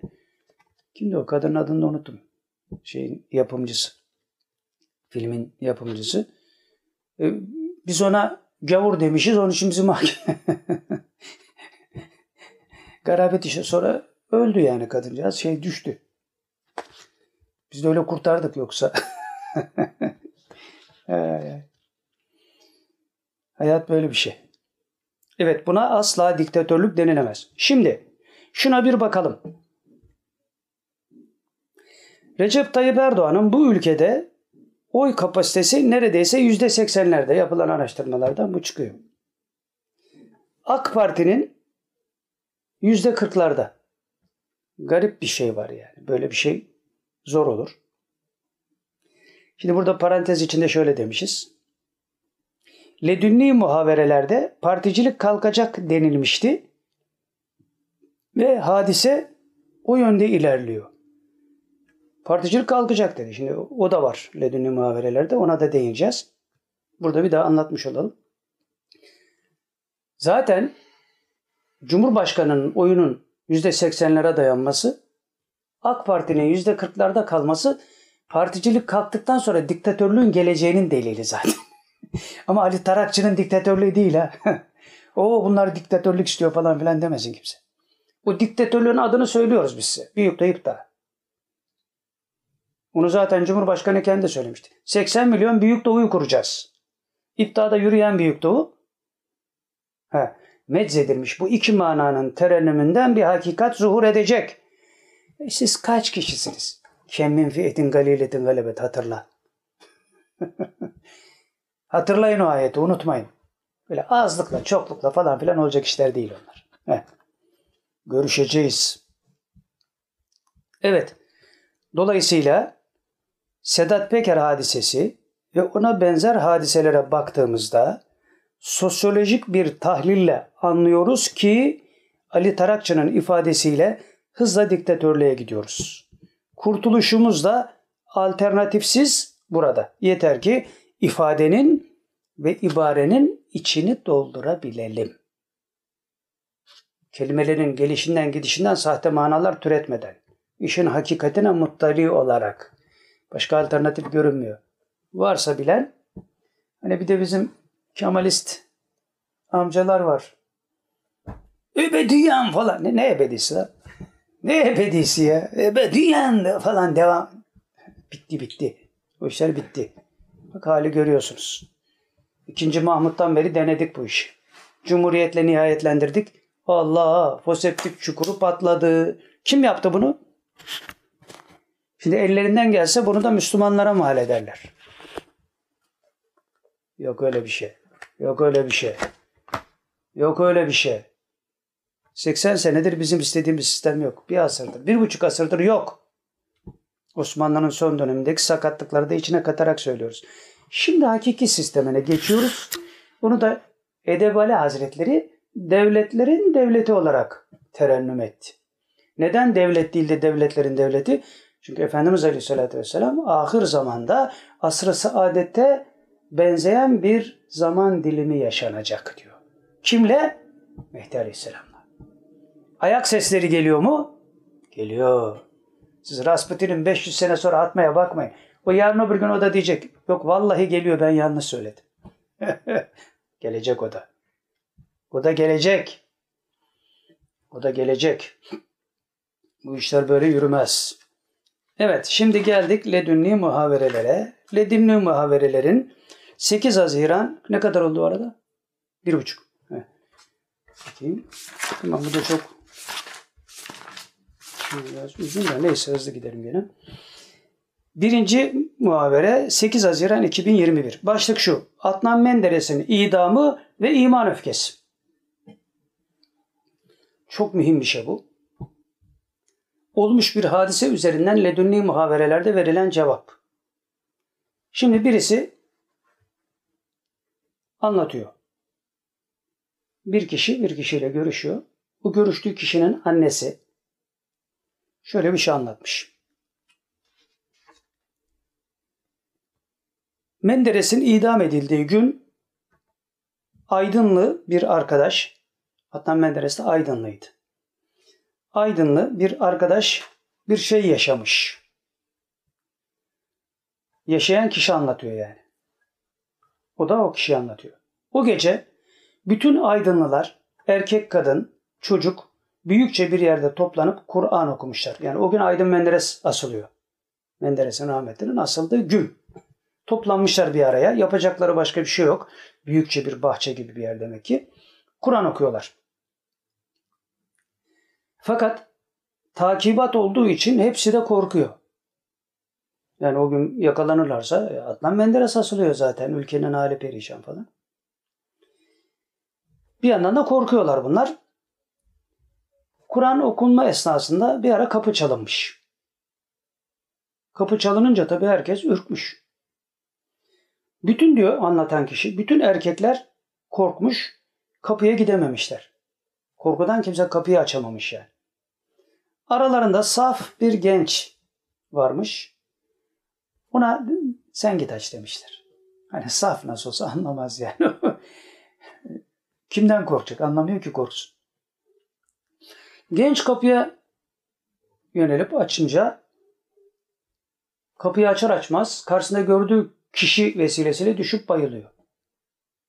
Kapıyı açınca bayılıyor. Bayılmış. Sonra tabii koşuyorlar. E, kapıda da kimse yok. Kendine geldiğinde ayıltıyorlar bu şeyi, bu Mecnun bildikleri bu kişiyi. E, saf yani Mecnun da demiyorlar da onlar. Aralarından saf bir genç. Bizim orada Alil derler. Alil, Alil. Hani kafa biraz şey falan. Kendine geldiğinde nedenini sormuşlar. Niye bayıldın? Yani kapıyı açar açmaz gördüğün şey karşısında bayıldın. Niye bayıldın? Cevabı şu. Kapıda Adnan Menderes vardı. o gün idam ediliyor Adnan Menderes. Nasıl gelsin oraya? Kapıda Adnan Menderes vardı. Şimdi ledünni muhaverelerde bu anlatılıp soruluyor. Nedir bu mesele? Yani ne oldu orada? Cevap şu. Bu gence mahsus yaşanmış bir hal idi bu. Bu gence mahsustu. Onun gönlünde bazı kapılar açılmış idi. Bunu herkes saf zannediyor. Halbuki gönül gözü açılmış. Kimse bilmiyor. Devam ediyor. O zaman o zaman Menderes'in açıldığı o zaman diliminde hepsi aynı kararlılıkta olsa idiler bunu onlar da görürdü. Yani o dönemde bu saf zannettikleri çocuğun kararlılığı onların da gönlünde olsaydı onlar da Menderes'in geldiğini görürlerdi diyor. olmadılar. Yani bu kararlılıkta olmadılar. Bir tek o genç cesur davrandı. Mevla bunu ona gösterdi. O böyle davrandığı için gönül gözü açık olduğundan dolayı cesur davrandı. Mevla da ona Menderes'i gösterdi. Çünkü diyor kalpten Allah'a bağlı idi o genç. Ve bu yaşananların Mevla'yı ne kadar üzdüğünü biliyor. Ve bu yaşananların olan bitenin Mevla'yı Allah Celle Celaluhu ne kadar üzdüğünü o saf diye bilinen genç biliyordu aslında diyor. Mevlasının üzülmesinden haya ediyordu. Yani biz Mevla'yı üzüyoruz. Bir insana asıyorlar, masum bir insana asıyorlar. Müdahale edemiyoruz. Bugün onu asanlar bile, o familyadan gelenler bile Menderes'in asılması doğruydu diyemiyor. Mazlumen öldürülmüş bir başbakandır. Niçini de belli. Siz isterseniz şeriatı bile getirirsiniz dedi. Bir kelime gitti. Ondan sonra demokrasi istiyoruz. Yok ya. Kim kaybetmiş ki sen bulacaksın demokrasi? Bak bunları yapıyordu. O dönemlerde de bunlar oluyordu. Ne diyordu Ahmet Tahir Maraş Hazretleri? İnsanlar Allah'ın kuyularıdır. İstediği zaman onları taşırır. Şimdi gariplik döneminde olduğumuz için bu kuyular az taşıyor. Bizden diyor bir asır sonra çokça taşacak. Ne zaman söylemiş? 75 sene önce. Son 25 sene final. Kuyular taşacak. Ve gebereceksiniz. Kaçacaksınız bu memleketten. Başka alternatifiniz yok. Ya teslim olup Allah'a teslim olup kurtulacaksınız.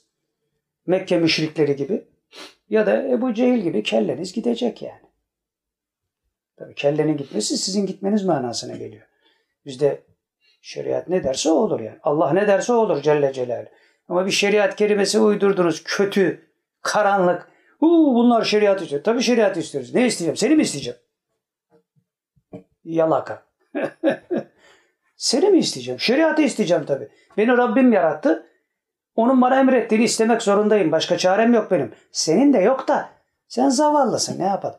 Allah seni de kurtarsın. Evet Müslümanların içinde de böyle yalakalar çoğaldı. Ee, falan filan. Bu zamanda mı zaman? Lan zaman Allah'ın, mekan Allah'ın, sen de Allah'ınsın. Eşya ve hadiselerin tümü Allah'a ait. La havle ve la kuvvet illa billah demeyeceksin o zaman. Davranış ve kuvvet sahibi Allah'tır demeyeceksin. Vazgeç bu ayetten. Vazgeçtin mi küfre girdin zaten. E şimdi münafıkça davranıyorsun. Daha kötü. İnan ya. Evet, Mevla'yı bu olan bitenin Mevla'yı ne kadar üzdüğünü biliyor. Mevlasının üzülmesinden haya ediyordu bu genç. Burada önemli bir cümle söyleniyor muhaverede. Evvelden diyor çok şeyler sadece kalpten yaşandığı için.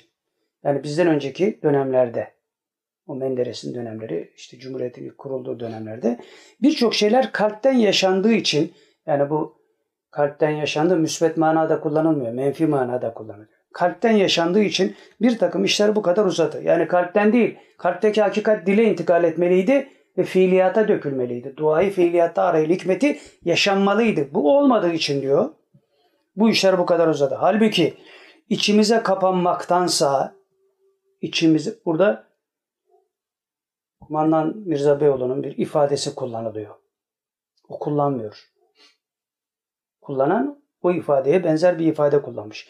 Halbuki diyor içimize kapanmaktansa yani o dönemlerde bu kadar içimize kapanmaktansa, bu kadar korkmaktansa sadece kalbimizde işte falan hani dilimize intikal etmediği için, fiiliyata geçmediği için, kalbimizde kaldığı için böyle yapmaktansa iman öfkenizi, iman öfkenizi olabildiğince günün şartları ne gerektiriyorsa haykırmalıyız ki Mevla da bize bir takım karşılıklarda bulunsun. Kalbinizde saklamayın diyor. İman öfkenizi konuşturun ama şartlara uygun olarak. Sünnet tedbirdir çünkü. Don Quixote'luğunda bir alemi yok. Yani cesurum diye serserilik yapma. Sofiyim diye de korkaklık yapma. Bunlar farklı şeyler yani. Evet burayı bir daha okuyalım. Evvelden çok şeyler sadece kalpten yaşandığı için bir takım işler bu kadar uzadı. Halbuki içimize kapanmaktansa iman öfkenizi olabildiğince olabildiğince günün şartları ne gerektiriyorsa haykırmalıyız ki Mevla da bize bir takım karşılıklarda bulunsun. Bir İspanya atasözünü hatırlıyoruz. Marifetname'de kumandan bunu nakletmiş. Allah pervasızlardan yanadır. Allah Celle Celaluhu pervasızlardan yanadır. Ama tedbirli gözü kara olmaktır bu diyor üstad. Tedbirli gözü kara olmak. Tedbirsiz gözü kara olmak sarhoşun da işidir, delinin de işidir yani ondan bahsediyor. İman öfkesinin delirttiği insanlardan bahsediyoruz. Öyle olsaydık Menderes'te kurtarırdık demek isteniyor burada. Şimdi Menderes'i aldılar. Özal'ı aldılar. Erbakan'ı aldılar. Aldılar da aldılar. Şimdi hani öyle bir şey var ya reisi yedirtmeyiz diye. Hayır bize kalsa biz reisi yedirtiriz. Hiç yalan söylemeyin. Bırakın palavrayı şimdi. Mevla ipleri ele aldığı için reisi kimse yiyemeyecek. 15 Temmuz'da biz mi yaptık? Nasıl oldu o kadar hiç, hiç kimsenin anlay hala izah edilemeyen şeyler anlatıyor. Şimdi bir de oraya girmeyelim yani. Şimdi eğer bizden olduğunu hakikaten doğru zannetseydik o zaman şeyi izah etmemiz lazım. 15 Temmuz'da bu kahramanlık. Sonra İstanbul Ankara Belediyesi'ni kaybedince herkesin kulaklar düştü. Ne oldu? Kahraman asker. Hani sen yapmıştın? Biz yapmadık. Bize yaptırdılar. Bundan sonra da yaptırılacağı söyleniyor. Onun için ümitsizleri atın. Sizi ümitsizliğe sürükleyenleri atın bir kenara. İnanın. İnanıyorsanız üstünsünüz çünkü. Allah Celle Celaluhu böyle diyor. Peygamberi böyle diyor. Velisi böyle diyor. E ama bizim falan filan. Ne, neyin yok? Neyin yok? Bak şimdi İHA'ların, SİHA'ların bile var. Daha ne korkuyorsun? Ne konuşuyorsun? Zahiri manada bile tepeliyorsun. Libya'ya gittin tepeledin. Suriye'ye gittin tepeledin. Akdeniz'de e, tekrar Türk Gölü haline getirdin. Bir gidiyorsun herkes kaçıyor. İtalyanı kaçıyor, Amerikası kaçıyor, İngiliz'i kaçıyor falan. Bunlar gözün önünde yaşanmıyor. Oradan bir şey buluyorsun. İşte şey e, ülkenin iktisadi durumu falan filan. Sabret. Sabret. Daha kötü durumlar gelecek. Sabret. Bunu da arattır Mevla bize. Bizi deniyorlar. Bizi deniyorlar. İki tane, üç tane araban olacak. Sıkışıp bir tanesini sattığında başlayacaksın zırlamaya. Bırak da hiç olmazsa ekmek bulamayan konuşsun. Onlar konuşmuyor zaten. Onlar tevekkül ehli. Allah onlar o sabrı veriyor. Senin nefsin kudurmuş. Nefsin. Nefsin kudurmuş senin. Tabii biz parti marti falan filan savunmak gibi şeyimiz yok. Oralara da düşmeyiz zaten. Allah düşürmesin bizi oraya. O particilik kalkacak diyoruz bak. Ama diktatörlük gelecek. Biz ona talibiz. Yaşasın diktatörlük. Adolf Hitler. Allah muhafaza. Neyse. Burası da şey olsun. Estağfurullah. Evet. Devam ediyoruz. Soru şu. Bu saf diye bilinen bu çocuk erenlerdendi demek ki öyle mi? Cevap evet. O yüzden meczup gibi biliniyordu. O erenlerden de kendini meczup şeklinde gösteriyordu. İnsanlar da öyle zannediyorlardı. Evet yine 9 Haziran 2021 muhaveresi. Başlık şu. Tam günümüzü anlatan, andıran bir mesele. Sedat Peker'in sonu Cumhurbaşkanı Erdoğan ve sistem. içinde bulunduğumuz sistem. Başlık bu. Soru şöyle başlıyor.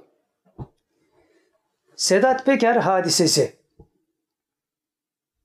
Memleket daha doğrusu sistem yerinden oynadı. Sedat Peker'in ifşaatlarından sonra böyle bir durum oldu. Nedir bu diye bir soru. Cevap şu etraflıca sorun. Biraz daha açın soruyu. Hani ne öğrenmek istiyorsunuz? Biraz daha açın. Onun üzerine şöyle bir soru soruluyor. Peker, Sedat Peker devletin ve hükümetin içindeki bütün açıkları biliyordu. Onu biraz itelediler. O da herkesin sırrını ifşa etmeye başladı. Yurt dışına kaçarak. Suç örgütü lideri kabul ediliyor. Ne diyorsunuz? Cevap şu. İfşada sınırı yok. Yani Sedat Peker'in ifşada sınırı yok artık. Halat koptu yani. Tutamadılar. İfşada sınırı yok. Herkes her şeyi açıkladı açıklayacak. Bu bize çok zarar vermez ama diyor. Ledünni muhaverelerde gelen cevap bu. Bu bize zarar vermez. Şimdi ben bir arkadaş öyle demiştim. Yani ne diyorsun Sedat Peker hadisesine? Bize birkaç tane daha Sedat Peker lazım dedim. Bu sistem başka türlü çökmez. Bu devlet bizim doğru bir sistemi olacak. İkinci Mahmut'tan bu yana olmadı. Onun için bu hale düştük. Şimdi kurtulmamız lazım. Onun için birkaç tane daha Sedat Peker'e ihtiyacımız var. Sedat Peker'in de hayrı o olsun. Evet, ifşada sınır yok ama bu bize çok zarar vermez. Yani üzerinde bulunduğumuz istikameti besleyicidir bu hareketler, bu işler. Zarar vermez. Ve devam ediyorlar. Bu hususta doğrudan hata edenlerin, önemli bir cümle, doğrudan direkt hata edenlerin işi zorlaşıyor. Yani ona fırsat verenler.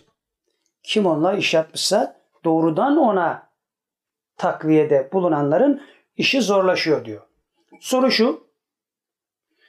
Onun ifşa ettikleri zarar görecek öyle mi? Yani Sedat Peker'in ifşa ettiği kişiler zarar görecek. Bu öyle midir? Cevap şu. Hepsi değil. Hepsi değil. Bir kısmı ve devam ediyorlar.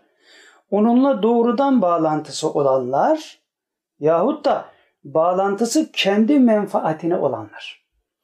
Bir direkt bağlantı, bir de sadece kendi menfaatine bağlantı. Peki kendi menfaatine olmamak kaydıyla onunla bağlantılı olanların durumu ne olabilir? Yani o da bizim yorumumuz olsun. Herhalde onlar kurtulanlardan olacak yani. Kendi menfaati yok. Ülkeyi kurtarmak adına onunla bir şey yapmışsa. Bunlar da kaç kişidir bilemiyoruz. Yani bunlar da bir elin beş parmağını geçmez herhalde. Çünkü sistem çürüdü. Herkes çürüdü yani. Evet. Onunla doğrudan bağlantısı olanlar yahut da bağlantısı kendi menfaatlerine olanlar. Soru şu bunun üzerine. Bu ifşalar sistemin değişmesine yardımcı olacak sanki. Öyle midir? Sedat Peker'in bu ifşaları sistemin değişmesine, çökmesine sebep olacak. Öyle midir? Cevap şu. Bir nebze. Yani buradan şunu anlıyoruz. Bir tane Sedat Peker'le olmaz bu iş. Biz doğru yorum yapmışız yani. Bir nebze. Ve devam ediyorlar. İçerideki bazı fitnelerin ortaya çıkmasına vesile olacak diyor Sedat Peker'in bu şey. Yani sistemin içindeki fitnelerin ve fitnecilerin ortaya çıkmasına yavaş yavaş da dökülüyorlar zaten onlar. Soru şu. Sistemin değişmesi için daha çok Sedat Pekerler lazım demek. Öyle midir? Cevap öyle bakmayalım diyor. Yani daha çok Sedat Peker diye bakmayalım diyor. Burada yani bizim yorumumuz güme gitmiş oluyor bir bakıma. Öyle bakmayalım. Çok daha basit nedenlerle de bu olur. Yani illa ki bu kadar büyük çalkantılara sebep olabilecek Sedat Pekerlere ihtiyaç yok. Daha basit, daha küçük sebeplerle de bunlar olabilir diyor. Mevla bunu umulmadık anda yapar. Yani illa böyle büyük şeyler beklemeyin. Yani öyle bakmayalım. Yani çok daha Sedat Pekerler lazım diyoruz ya. Öyle bakmayın diyor. Çok daha basit nedenlerle de bu sonuç yani sistemin değişmesi olur diyor. Mevla bunu umulmadık anda yapar. Öyle ki kimse ne olduğunu anlayamaz. Hiç böyle ortalık çalkalanmadan kimse ne olduğunu anlayamaz. Sistem değişmiş. Toplumu kurtarmışız yani. Böyle olur diyor. Ve bu öyle olacağının da delili aslında. Allah dostları yanlış bir şey söylemezler. Sadece kaderi mutlak, kaderi muallak kısmında olduğu için şartlara bağlı olan kısımlarda gecikme veya daha önceden olması söz konusu olabilir. Onlar yanlış söylemez. Yanlışlarında bile nice hikmetler, bize göre yanlış zannettiğimiz şeylerde bile nice hikmetler bulduk. Bunları da sonradan anlamaya başladık tabi. Anlamıyorduk başta. Evet, soru şu. Particilik kalkacak denilmişti. Bu konuda tesiri olur mu bu işlerin? Yani Sedat Peker'in bu ifşalarının particiliğin kalkmasında bir tesiri olur mu? Cevap şu. O daha ayrı bir mevzu diyor. Şimdi bunu karıştırmayın diyor. O particiliğin kalkmasıyla bunu diyor ilişkilendirmeyin. O daha ayrı bir mevzu. Sırada bekliyor diyor o mevzu. Particiliğin kalkma mevzu var ya diyor. O sırada bekliyor. Ona sıra daha gelmedi. yani bu onun tam alameti değilmiş. Onları da bekleyeceğiz bakalım. Soru şu. Tamam inşallah denildikten sonra bu badireden Erdoğan, Recep Tayyip Erdoğan, Cumhurbaşkanı Recep Tayyip Erdoğan nasıl çıkar? Cevap sağlam kalacak, sağlam çıkar. Aynen bu. Sağlam kalacak, sağlam çıkar. Soru şu. Elhamdülillah dedikten sonra Yasin Kendirci onun için şehittir diyordu. Ve belki dersleri takip edenler bilir. Yasin Kendirci diye birisi. Biz de bilmiyoruz. Tanımıyoruz. Hala hazırda tanımıyoruz. Bir gün tanırız inşallah. Rical taifesine girmek üzere olduğu söylenen birisi. Ledünni muhaberelerde. İşte daha önce bahsetmiştik. Cumhurbaşkanı'na da makale yazıp gönderilmiş. FETÖ'cülerle muazzam savaşları oldu falan filan. İşte o Mehdilik meselesinde kendisinin yaşadığı, kendini feda etmesi falan filan. Ve belki derslerde var. Onu kasten Yasin Kendirci onun için şehittir diyor. Yani Cumhurbaşkanı için şehittir o. Allah diyor bizleri de sizleri de şehitlik defterine yazsın diye de bir şey göndermişti bize. Buna ne diyorsunuz? Soru bu. Cevap şu. Rütbe almıştır bu makamda. Yani Cumhurbaşkanı bu makamda rütbe almıştır diyor. Bundan sonra ancak rütbesini yükseltir. Yani şehitlik şeyinde rütbesi tamam. Bundan sonra gittikçe yükselir diyor. Ama diyor bundan haberi yok. Cumhurbaşkanının bundan haberi yok. Rütbe almıştır, rütbesi yükseliyor fakat bundan çok fazla haberdar değil şu anda. Ama şöyle de bir ekleme yapıyorlar. Aslında var ama basireti bağlanmış, idrak ettirilmiyor kendisine tam olarak. Yani işler sakata girmesin diye yapıyorlar bunu. Yoksa o cesaret falan filan onlar durup dururken olacak şeyler değil. Böyle ihale sırayla da olacak şeyler değil yani. Bunları bilmek lazım. 15 Temmuz'u hatırlayanlar anlar. 15 Temmuz'u çözenler daha doğrusu. Polis düşmanın eline geçmiş. Askeriye düşmanın eline geçmiş. Bürokrasi zaten onların elindeydi. E, elinde bir çubuk olmayan halk 40 yıllık CIA, Mossad, FETÖ hazırlığını 4 saatte yerin dibine geçirdi. 4 saat elinde bir şey yok ya. İşte Hanefi Avcı diyor ya bu Allah'ın lütfu diyor. Anlatıyor, anlatıyor, anlatıyor. Her şeyi anlattıktan sonra adam istihbarat daire başkanlığı yapmış. Bilmez mi? Her şeyi anlatıyor. Sonra diyor ki bana göre diyor burada ilahi bir lütuf var diyor. E biz de onu soruyoruz zaten. Bu ilahi lütuf nasıl tecelli etti ya? Bak bunu söyleyen öyle çok tekva bir Müslümandan bahsetmiyoruz. Hanefi Avcı. hani öyle e, ledünni meselelere merakı olan, manevi meselelerde bir şeyler öyle birisi değil. Zahiri manada hesap kitap yapıyor yapıyor yapıyor. Sonra diyor ki burada ilahi bir lütuf var diyor. Allah diyor karşı tarafı şaşırttı. Başka türlü izahı yok diyor. Biz de diyoruz ki nasıl anlatacağız bunu ya? Adam bir şey söylüyor. Bunu bir tevil edin. Tevil yok. Herkes, herkes kem, küm, gak, guk mezun üstü kapanıyor. Sonra bakıyorsun Aa, 15 Temmuz kahramanlığı bir anda ayaklar altına düşmüş. Hasbunallahu ve nimel vekil. Ondan sonra adam burayı hallettik diyor. Yeni hamlelere hazırlanıyor.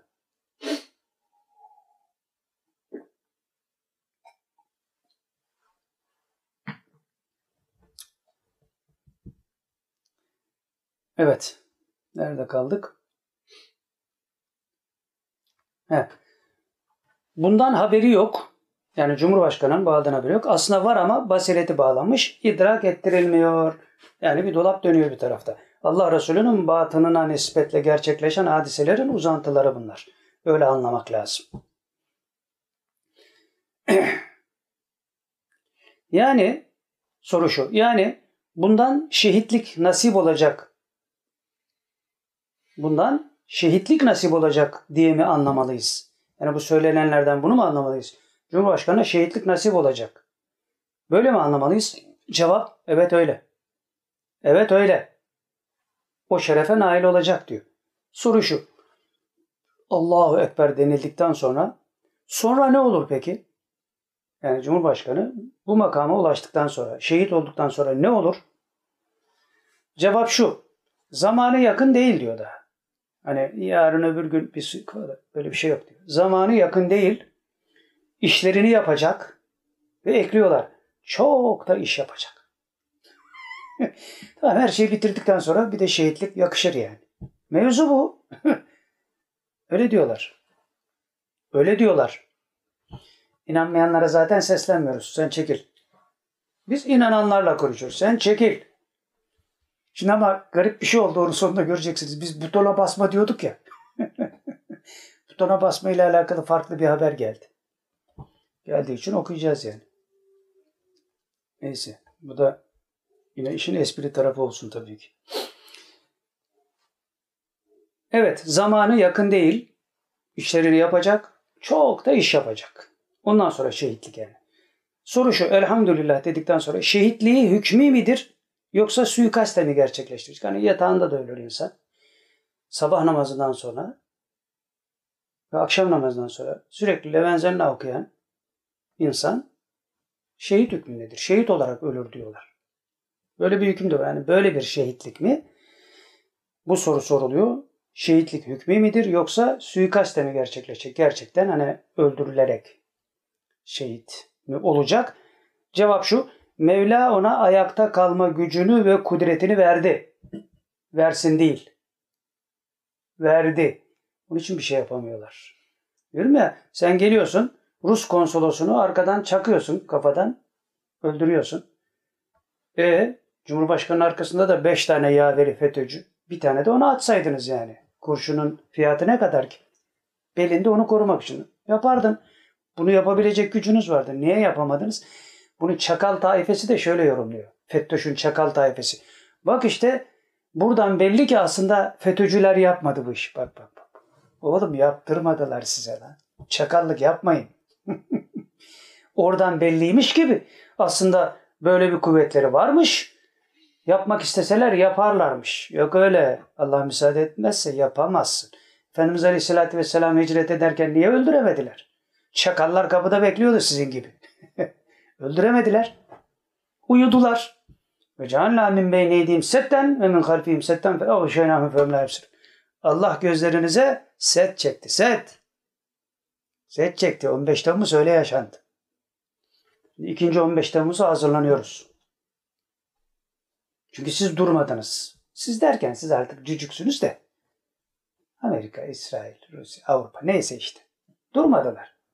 Kudurmuş bunlar. Kafir kudurmuştur. Tek millettir zaten. Ama bir taraftan zavallı Rusya'nın hali perişan. Avrupa daldım dalacak. Rusya da ona daldım dalacak. Avrupa kendi arasında birbirine daldım dalacak. Amerika ulan benim otoritemi niye kabul etmiyorsunuz diye orada sümüklü çocuk gibi ağlıyor. Bu badirenin içinde herkes bize saldırıyor aynı zamanda. Fakat o saldırının önlenmesi için birbirlerine de düşman etti onları Mevla. Zaman doldu çünkü. Ve hepsi anladı ki Orta Doğu'da Türkiye'siz kimse iş yapamaz. Herkes elini omuzumuza atıyor. Kanka ne haber ya? Benle beraber olur musun? İşte namussuz seni. Gebereceksiniz. Allah dostları böyle diyor. Gebereceksiniz. Ve inanmayanlara da diyoruz ki kardeşim bizi uğraştırma Allah aşkına. Uğraştırma bizi. Bizim adama ihtiyacımız yok. Bizim Rabbimize ihtiyacımız var. Hasbunallahu ve ni'mel vekil. O ne güzel vekildir. Sen kimsin? Ben kimim?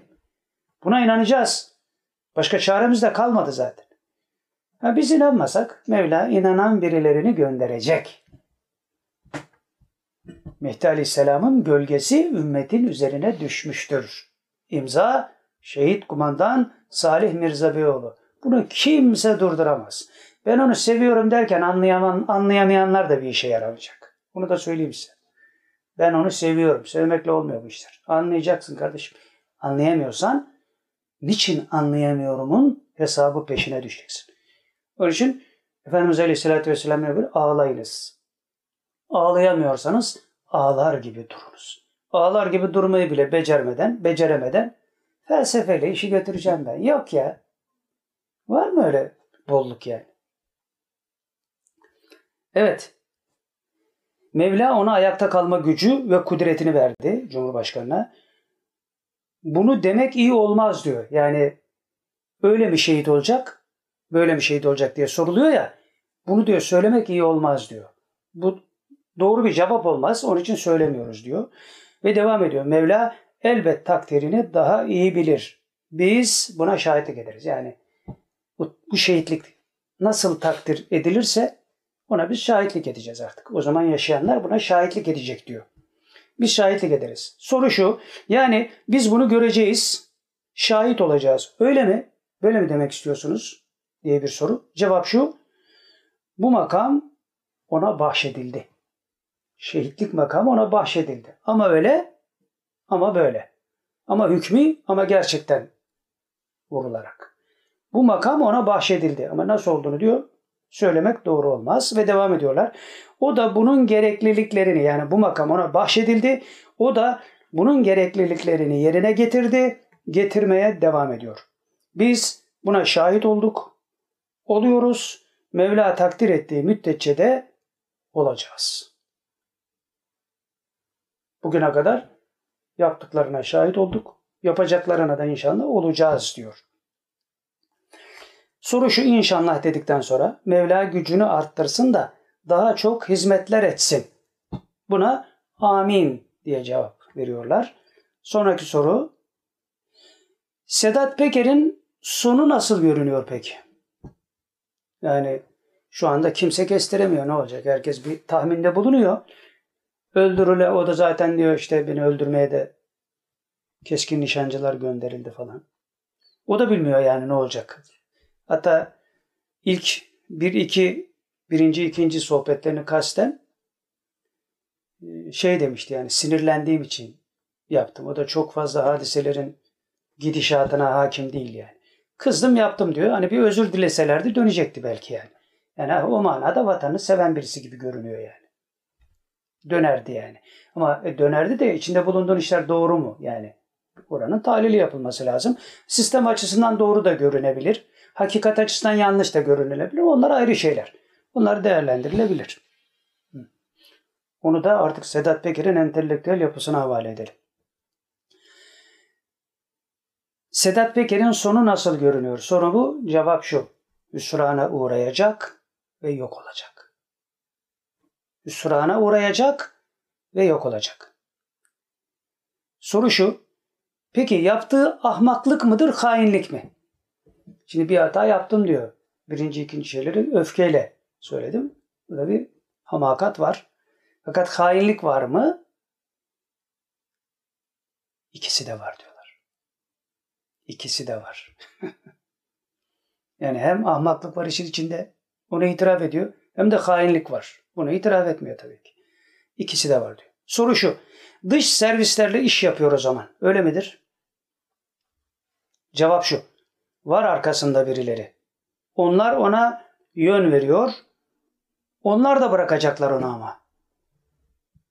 Yani şu anda yön veriyorlar. Onlar da bırakacaklar. Onlar da nefesi kesilecek demektir bu. Soru şu.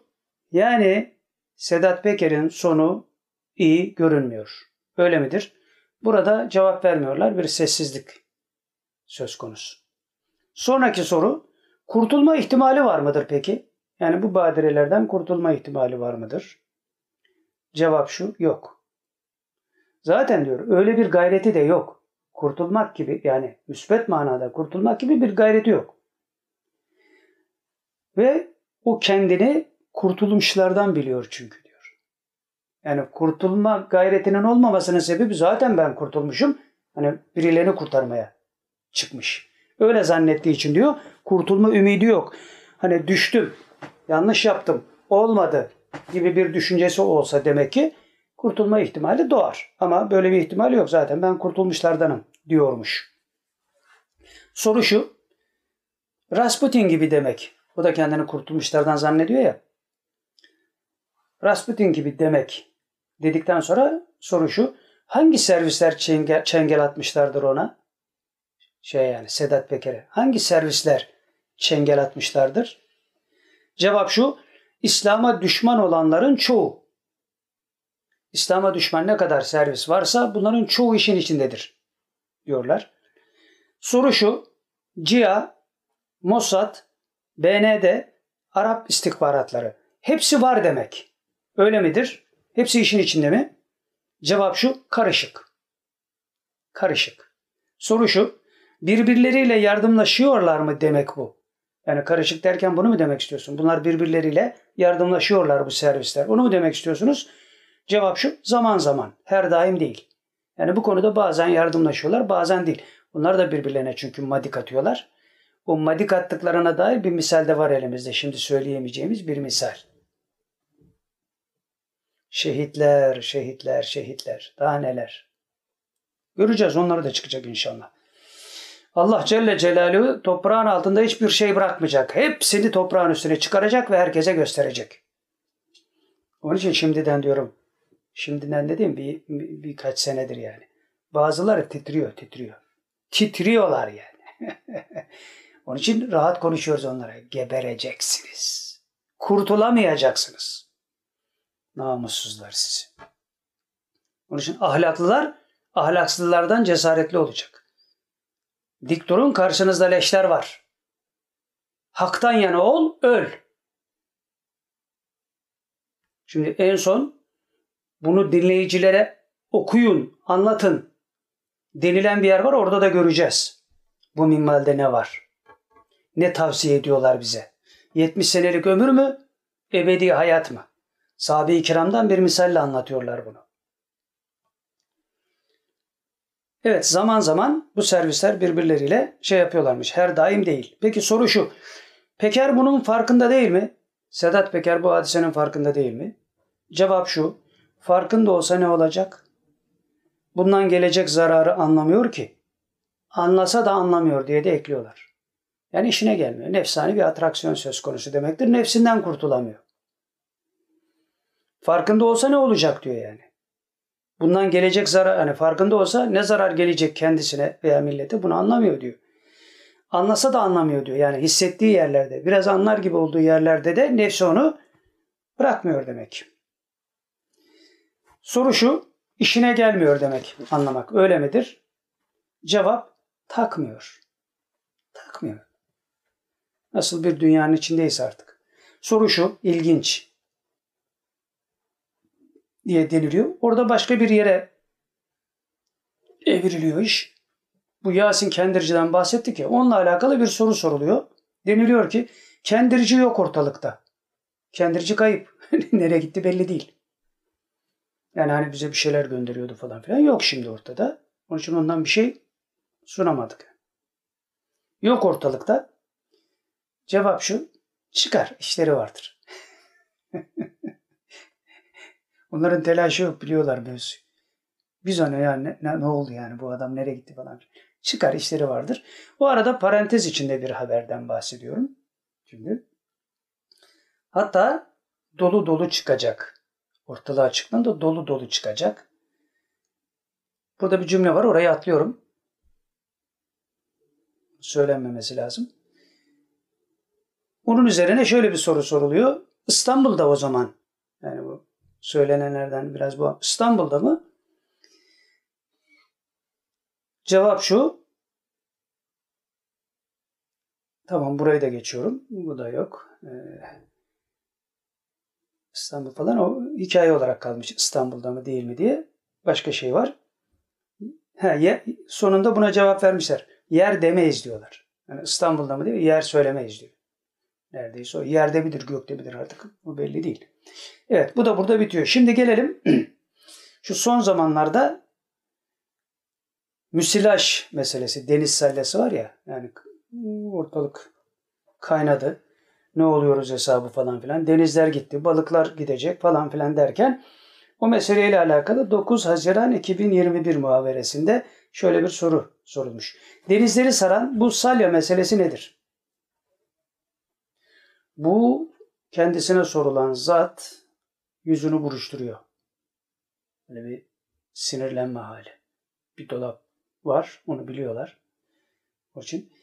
Ve soru soruluyor. Neden yüzün buruştu? Neden yüzünüzü buruşturdunuz? Cevap şu. Bunu geçin şimdi.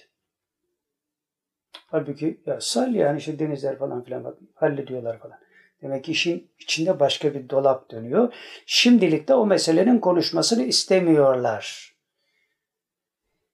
İleride anlaşılır mı inşallah? Yani ileride bunu soralım mı? İnşallah diyorlar ve bitiriyorlar. Yani çok kısa kesiyorlar bu mevzuyu. Burada bir dolap döndü. Bunu ileride öğrenmemiz lazım. Evet yine 9 Haziran 2021 muhaberesi. Başlık şu. Mehdi Aleyhisselam Zübbeli Fettoş. Şimdi daha önce sorulan şeyler vardı. Onlar sorularak Yasin Kendirci ve onun dışında başka bir şeyler sorulmuştu. Bunların şeyi e, doğruluğu doğru mudur değil midir diye tasdik ettirme babında aynı şeyler soruldu. Bunlar daha önce konuştuğumuz şeylerdi. Hemen hızlı hızlı okuyayım ve bunlar böyle midir değil midir cevabını alıp geçelim. Yasin Kendirci şöyle yazmıştı. 2010 yılında 2010 yılı ya da 2011'de Adil Öksüz bu FETÖ'nün hava kuvvetleri imamı Adil Öksüz cemaatlerden ve siyasetten Süfyan'a destek topluyordu. Cemaatlerden ve siyasetten Süfyan'a destek topluyordu. Zübbeli'ye de gitti. Ona ilettiği aynen şudur. Mehdi geldi, önleyemezsek biteriz. Vallahi billahi diyor, Zübbeli'yi ziyaret etmesinin sebebi budur. Başka önemli ne olabilir ki diyor. Fettoş'un sümüklü bomboş kitabı için mi gidecek diyor üst düzeyden birisi Zübbeli'ye. Sebebi mücahitleri yalnız bırakmaktır. Suriye'deki mücahitleri kastederek söylüyordu bunu. Nedir mesele? Bu Suriye'deki mücahitlerle alakalı da kendirci daha önceki sohbetlerimizi anlatmıştık. İşte şey ne diyor? Ee, Fettoş Suriye için ne diyor? CHP ne diyor? Zübbeli ne diyor? Hepsi aynı paralelde cümleler kurmuşlar. Zübbeli ne diyordu? Ne işiniz var Suriye'de? Oturun oturduğunuz yerde. Tabi Süfyan'a karşı savaş etmeyin. Ben Süfyan'ın elemanıyım. Kur'an okuyan Süfyan'ın elemanı. Çıkacak. Hepsi çıkacak. Şimdi onun için o resmi birileri kim yaptıysa bilmiyorum. Bugün bana gönderdiler. Papaz, haham, Rasputin. Hepsi de siyah cübbeli böyle. Tamam siyah güzel bir renktir. Hayır bir olay da. Latifelerden de ihvanın rengidir yani. Şiddetle siyah, şiddetle beyaz. Ama bir de karanlık siyah var yani. Ruhun dışarı yansıması.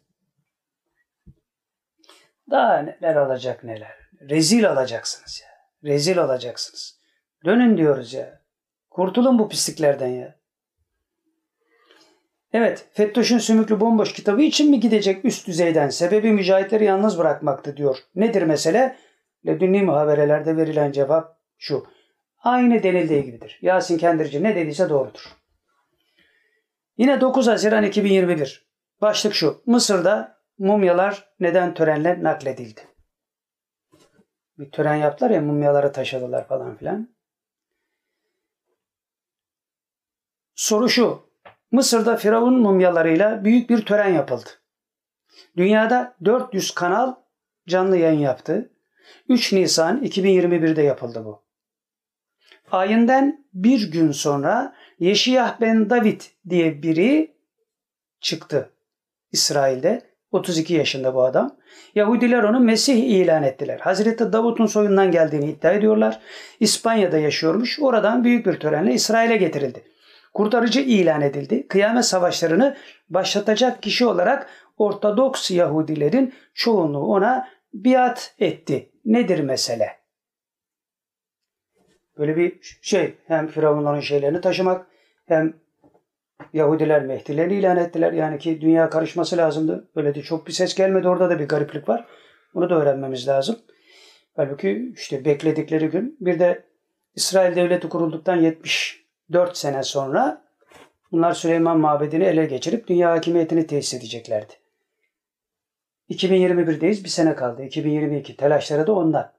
Onun için getirdiler, ilan ettiler Mesihlerini. Fakat ortalık karışır, kaynar diye düşünmüştük. Olmadı. Bir gariplik var yani işin içinde. Onları da çözeceğiz inşallah. Ha bu arada unutmadan söyleyeyim cevabı şurada cevabı okumadan. Süleymancılarla alakalı bir şey söylemişlerdi. Yok olacaklar diye. Şimdi bu ilk başta bahsettiğimiz gazeteci var ya Ali Tarakçı. Ali Tarakçı baktım o, o sohbetindeydi zannediyorum. Diyor ki şimdi şimdi yine paralel bir tarikata operasyon yapacaklar diyor. Paralel bir tarikata operasyon yapacaklar diye bizim söylediğimiz istikamette bir şey söylüyor. Bizim söylediğimiz değil de ledünni muhaverelerde söylenen istikamette o da bir şeylerin kokusunu almış. Yakında diyor bunu göreceğiz. Yani o camiada zaten bir bu manada bir tedirginlik var. Bakalım ne olacak bilmiyoruz yani. Biz elin yalancısıyız. Evet bu Firavun'un taşınması, bu Yahudinin Yeşiyah ben David'in şeyini ilan etmesi falan filan bütün bu söylediklerini nedir bu mesele? Cevap şu, bunlar şunun için yapılmış. Dünyaya güçlü olduklarını kanıtlamaya uğraşıyorlar. yani kuvvetten düştüler. Bir çaresizlik yaşıyorlar. Onun için bir şeyler yapalım ki dünya bizi yine kuvvetli zannetsin. Yok ya. Bakalım nereye kadar zannedecekler. Evet yine 9 Haziran 2021 muhaveresi. Başlık şu. Mesih ilan edilen Yahudinin, bu yukarıdaki bahsedilen Yahudinin İspanya'nın kurtuluşu ile ilgisi nedir ya? Soru şu. Kudüs'ün fethinden önce İspanya'da bir şeyler olacağı, oranın kurtarılacağı söylenmişti. İsrail'de Mesih ilan edilen adamın İspanya'dan gelmiş olmasının bu mesele ile yani İspanya'nın kurtuluşu ile alakası var mıdır? Yoktur diyor. İspanya'dan mesela biz kendi yorumumuzda öyle zannetmiştik. Onların İspanya'dan oraya gelmesi, İspanya'nın e, topraklarına 6000 faslının yüzerek geçmesi falan. Bununla alakalı bir şey söylenmiyor ama biz onları da hep bununla alakalı zannetmiştik. Bunu da öyle zannetmiştik. Hayır diyor. O Yahudinin İspanya'dan İsrail'e gelip Mehdi ilan edilmesinin bu işte bir alakası yok. Yani İspanya'nın kurtuluşuyla alakalı bir şey yok burada diyor. Yine 9 Haziran 2021 muhaberesinde Covid-19. Şimdi epeydir bu mevzu işlenmiyordu, unutulmuştu. Soru şu, Covid-19'un gidişatı nedir, ne yapmak lazım? Cevap şu, dikkatli davranmak lazım, tehlike tam geçmiş değil. Müslümanlara duyurulur. Evet yine 9 Haziran 2021 başlık şu. Bugünlerde denk gelen hadisi şerifler. Bugünlere denk gelen hadisi şerifler.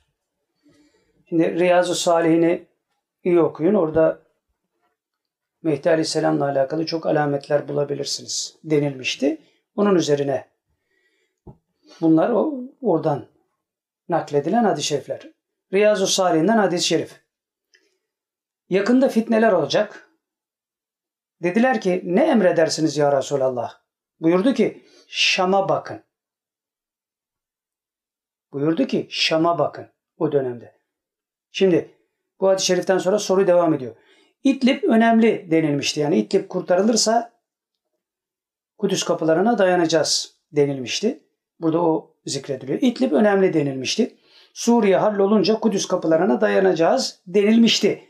Buradaki Şam'a bakın cümlesi içinde bulunduğumuz günlere mi denk geliyor? Bu günleri mi işaret ediyor? Şam'a bakın. Bugün Allah Resulü sahabelerine söylüyor. O sözün muhatabı bugünün Müslümanları mıdır? diye bir soru soruluyor. Evet diyor bugünlere denk geliyor. Cevap evet bugünlere denk geliyor. Şam'a dikkat edin. Sufyan orada çünkü. Deccal da yakında gelecek. Allah Resulü o gün söylemiş. Aradan 1400 sene geçmiş. Bir de Efendimiz Aleyhisselatü Vesselam ne buyuruyor? Ben dünyayı bir gün, dünya ömrünü bir gün sayarsanız ben ikinden sonra geldim diyor. Şu mesafeyi gösteriyor işte. Böyleyiz diyor. Dolayısıyla bugünlere denk gelmesi gayet doğal. Bu dilden anlamayanlar yine anlamayacak tabii. 9 Haziran 2021 muhaberesi yine başlık şu. Hadisi şerifte ismi geçen Himyerliler Bunlar kimlerdir? Himyerliler diye birileri geçiyor. Riyazu Salih'den hadisi şerifine Allah Himyerlilere Yemen'de bunlar bir kabileymiş. Himyerlilere rahmet eyleye. Ağızları selam, elleri taam, kendileri de ehli emin ve imandır. Hadis-i şerif böyle. Soru devam ediyor. Himyerliler hala yaşıyorlar mı? Yemen'den geleceği bildirilen üç Türk bunlardan mıdır yoksa başka meseleler mi var? Şimdi daha önceki muhaberelerde çok fazla açmamak kaydıyla söylediğimiz bir şey vardı.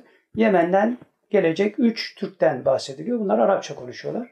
Ama Türkler şeyleri tarif ediliyor falan. Bunların bir vazifesi var. Onlar geldiğinde kıyamet kopacak zaten. Bu kadarını söylemeye müsaade etmişlerdi. Burada kastedilen onlar. Yani o oradan gelecek olan üç Türk bu Him yerlilerden midir? Hadis-i şerifte geçiyor ya bunlardan olma ihtimali var diye. Böyle bir soru. Yoksa başka meseleler mi var işin içinde diye sorulmuş. Cevap şöyle geliyor. Him yerliler kalmadı. O üç genç onlardan değildir. Yani Him yerliler diye bir kabile kalmadı Yemen'de diyor. Onun zamanı geçti yani. Allah Resulü onlardan bahsetti.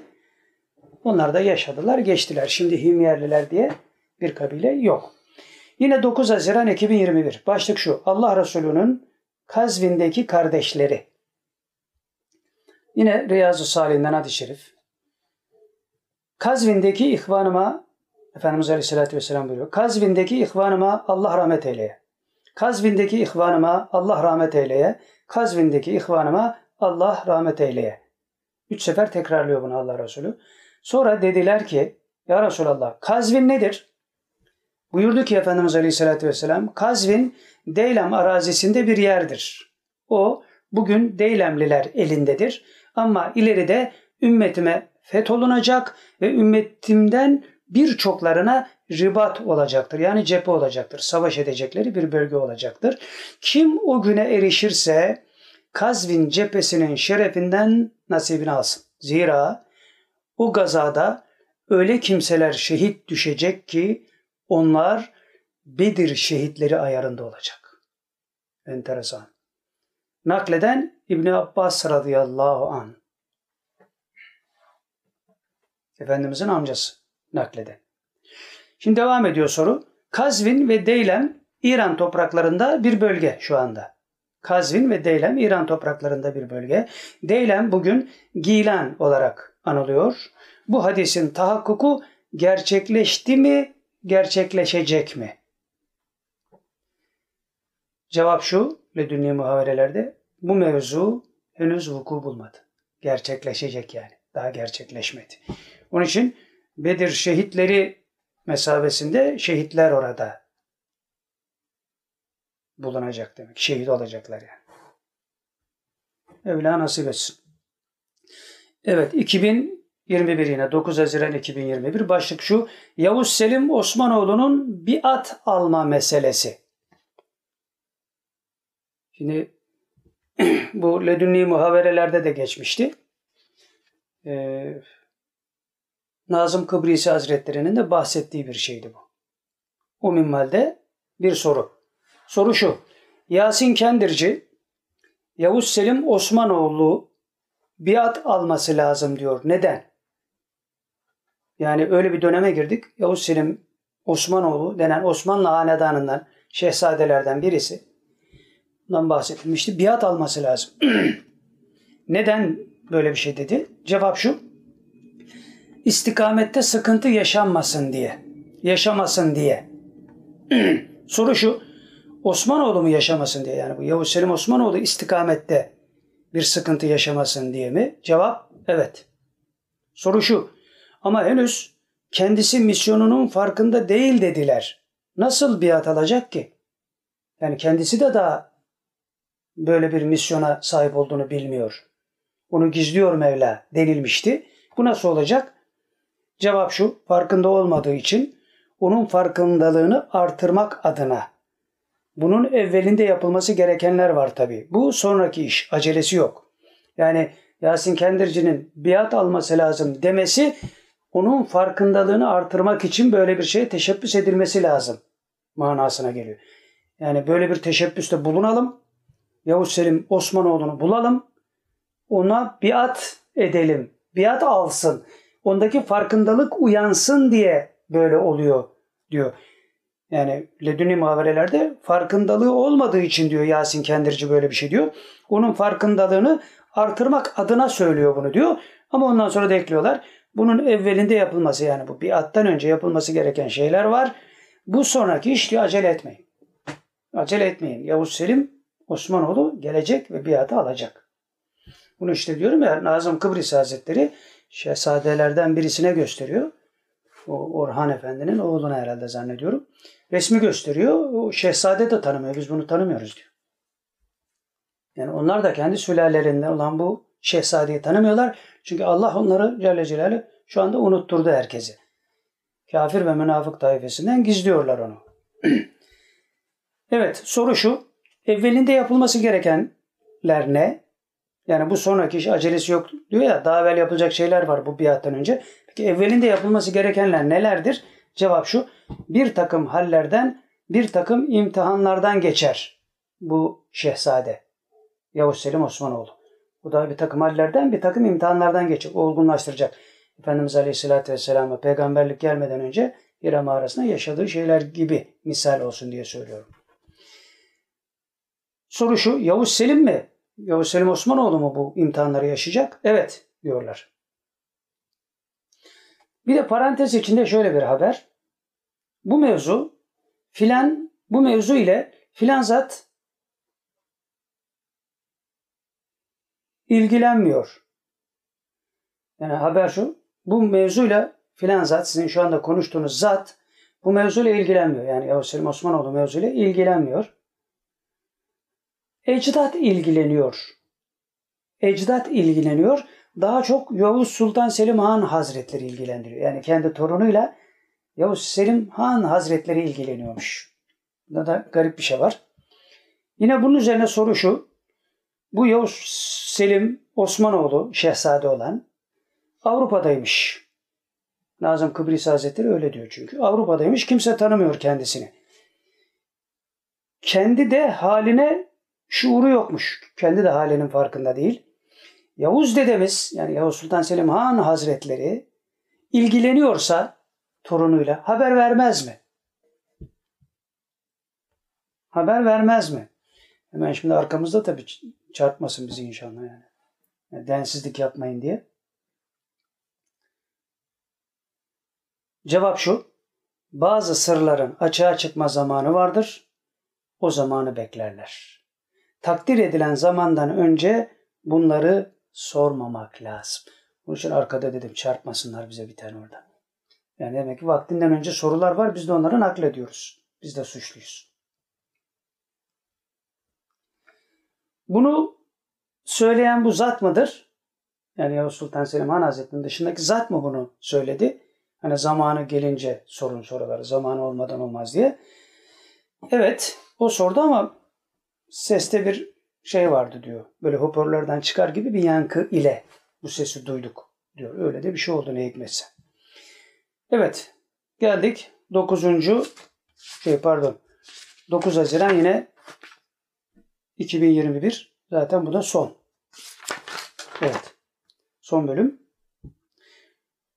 9 Haziran 2021. Bunu sohbetinizde mevzu edin.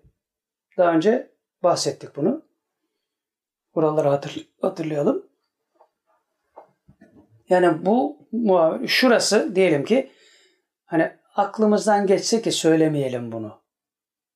Böyle bir şey yok. Bunu diyor dinleyicilere bunu söyleyeceksiniz. Söyleyin bunu diyor. İlk defa böyle bir şeyle karşılaşıyoruz. Bazı şeyler filancaya söylenebilir falan filan oluyor filancılara. Ama böyle sohbette bunu söyleyin. Emriyle ilk defa hatırladığımız kadarıyla karşılaşıyoruz. Şimdi soru şu. Filancı, filan zat güzel haberler var demişti. Bayramdan önce yani. Ramazan bayramında. Güzel haberler var demişti en son. Bu sorulardan bağlantısızdı o. Bu sorularla alakası yoktu. O haberlerden verir mi? Yani o şeyler nedir? Cevap şu. Bir gün Resulullah Efendimiz aleyhissalatü vesselam sahabesine şöyle buyurdu. Ey ashabım! Şimdi size bir soru soracağım. Sahibi, şey sahabi hep birazdan sor ya Resulallah dediler. Efendimiz onlara dedi ki, şimdi Ezrail gelse ve size dese ki, şimdi şurada hepinizin canını alacağım, size hiçbir şey için fırsat tanımayacağım. Hepiniz şu anda öleceksiniz. Eşlerinizle helalleşmek, yarım kalan işlerinizi tamamlamak, miraslarınızı pay etmek, dünyalık ne iş varsa bunların hiçbirine fırsatınız olmayacak. Allah Resulü için şurada canınızı vereceksiniz. Şu anda canınızı vereceksiniz. Böyle bir ihtimal yok. Çoluğunuzla, çocuğunuzla görüşemeyeceksiniz. Mirasını paylaşamayeceksiniz. Hiçbir şey olmayacak. Şu anda şurada Allah Resulü için canınızı vereceksiniz. Dese, kaçınız diyor buna şeksiz, şüphesiz teslim olur ve iman eder? Allah Resulü sahabelerine soruyor. Kaç taneniz diyor buna rıza gösterir? Ben ölürüm ya Resulallah. Kaç kişi diyebilir? Bunu soruyor. Oradakilerin çoğu, sahabilerin çoğu hep birazdan anam babam sana feda olsun ya Resulallah. Bundan büyük şeref var mıdır? dediler. Hepsi bir ağızdan seslendiler. İçlerinden bir tanesi küçük bir tereddüt yaşadı. Sahabilerden bir tanesi, hepsi bu sözü söylerken biri tereddüt yaşamış. Bir genç. Ama niyetini aşikar etmedi. Yani ben böyle düşünüyorum demedi. Ya Resulallah ben böyle düşünüyorum aklından bu geçti demedi. Bir tereddüt yaşadı ama o tereddütünü de söylemedi. Resulullah aleyhissalatü vesselam ona döndü. Dedi ki sen neye tereddüt ettin? Şimdi velinin en küçüğü karşısındakinin kalbini okur diyoruz. Allah Resulü'nün mirası çünkü. Peygamber. Peygamber varisleri de ona nispetle iş yaparlar. Efendimiz de kalbinden geçeni biliyor. Sen niye tereddüt ettin diyor. O da dedi ki evde hasta anam var. Onu düşündüm diyor. Evde annesi hasta yatıyormuş. O gelmiş aklına onun için tereddüt geçirmiş. Ve de onu Allah Resulü öyle deyince Allah Resulü Aleyhisselatü Vesselam buyurmuş ki seni yaratan onu da seni de düşünür. Bu itaatsizlik niye? Niye bana itaat etmedin? Onu Allah yarattı. Ona bakar. Seni de Allah yarattı. Sana da bakar. Niye böyle düşünmedin de tereddüt ettin diyor. Allah'a sığınmakta kusur etmeyin diye de ekliyor Efendimiz Aleyhisselatü Vesselam. Allah'a sığınmakta kusur etmeyin. Evde anam var, babam var falan filan bırakın bunları diyor. Efendimiz Aleyhisselatü Vesselam. O genç bundan çok müteessir oldu. Çok üzüldü. Ağlamaktan helak oldu. Günlerce ağlamış. Af diledi. Günlerce yemedi, içmedi. Kendini ve nefsini cezalandırdı. Ben bu hatayı nasıl yaptım? Sadece aklından geçmiş bak. Sadece aklından annesi geçti o da yani. Kendisiyle alakalı bir şey de yok. Annem evde hasta ona kim bakar? diye bir küçük bir tereddüt diyor. Küçük bir tereddüt. Büyük de değil.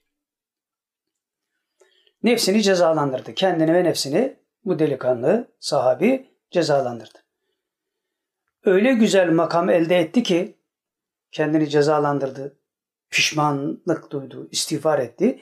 Bunun üzerine öyle güzel makam elde etti ki orada bulunan ve o an teslimiyet gösterenlerden daha üstün makama erişti. Oradakileri de geçti. Küçük bir kusur, işte hayat arazlardan yürür. O arazlara doğru nispet kurabilirsek böyle şeyler olur. Bu anlatıldıktan sonra ledünni muhaberelerde işte orada sonunda diyorlar ki bu diyor bu mevzu sohbette anlatılsın. Yani sizlere bunu anlatmamız bize emredildiği için burayı anlattık. Hepsini meseleler içinde olduğumuz için anlatıyoruz. Şey yürüyor. Ama burada özellikle bunu dinleyenlere anlatın. Kim bunu dinlemişse biz ona anlatmış olduk. Vebal bizden kalktı. Soru devam ediyor. Allahu Ekber denildikten sonra Mevla bizleri onlara benzetsin inşallah. Temenni babında bir soru yani bu sahabilere benzeyelim diye. Cevap şöyle geliyor. Mevla dinleyenlerin anlayışını artırsın. Dinleyenlerin anlayışını artırsın. Şimdi burada ne demiştik ya butona basmayın. Buna farklı bir şey geliyor. Bunu espri kabiliğinden kabul edin tabi. Mevla dinleyenlerin anlayışını artırsın. Sayılarını çoğalsın. yani butona basmadan da bu sayılar çoğalır. O ayrı bir olay. He. Ama o butona basma sözüne sanki muhalefetmiş gibi. Tam değil tabi de espri mahiyetinde söylüyoruz. Evet Mevla dinleyenlerin anlayışını artırsın, sayılarını çoğaltsın, idrakte doğruluk versin. Yani anlayışları doğru hale gelsin diye dua ediyorlar bize. Anlatanlara da sağlam kelam, bu bize de kıyak yapıyorlar size yaptıkları gibi. Anlatanlara da sağlam kelam, sadık doğru söz, gayret, kuvvet versin. Her iki taraf için de amin diyelim. Ve soru mahiyetinde şöyle bitmiş. Amin, amin, amin inşallah. Himmet ve tasarrufa çok ihtiyacımız var. Soru mahiyetinde böyle bir şey sorulmuş. Cevap olarak da Mevla gayretinizi boşa çıkarmasın. İnşallah duasıyla mevzu bitiyor. Evet burada sohbetimiz tamamlanmış oldu. Bir dahaki sohbette inşallah yaşıyor olursak ki o zamana kadar da Allah rızası için yaşama gayreti içinde olarak amel etmemiz lazım. Bize hep bu telkin ediliyor. İhlas ve samimiyet üzere yaptığımız her şey bizim ruh tatlısından bir şeyler tatmamıza vesile olur. Eğer gösteriş için yapıyorsak, birilerinin malına mülküne konmak için yapıyorsak, para için, şan şöhret için, şunun için bunun için yapıyorsak, bunların hiçbir faydası yok bize. Ebedi hayatta kaybedeceğimiz şeyleri düşünerek Allah rızası için iş nasıl yapılır bunu öğrenmeye çalışalım. Biz böyle yapıyoruz da demiyoruz. Her zaman bunu söylüyoruz. Ama niyetimiz bu. Bu niyetimizi Allah kavileştirsin hepimizin, sizin de bizim de. Allah rızası için iş yapan Müslümanlar haline gelelim. Hakiki Müslümanların hatırına Mevla bize zafer nasip etsin.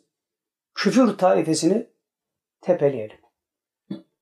Hani bir duamız vardı ya, ya muntakim Allah. Bizi intikamına memur et. Bu metriste bizim duamızdı. Bütün Müslümanların duası olması lazım.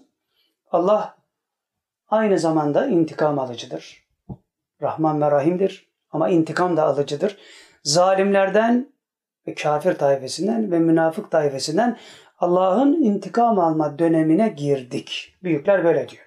Onun için hiç şüphemiz yok. Biz ölsek de siz ölseniz de bu iş böyle gerçekleşecek.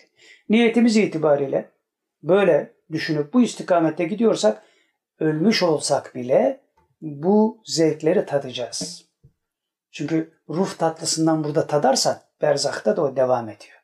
Sonra cennette cemalullahını göstermek suretiyle bu lütufta bulunuyor Mevla Teala.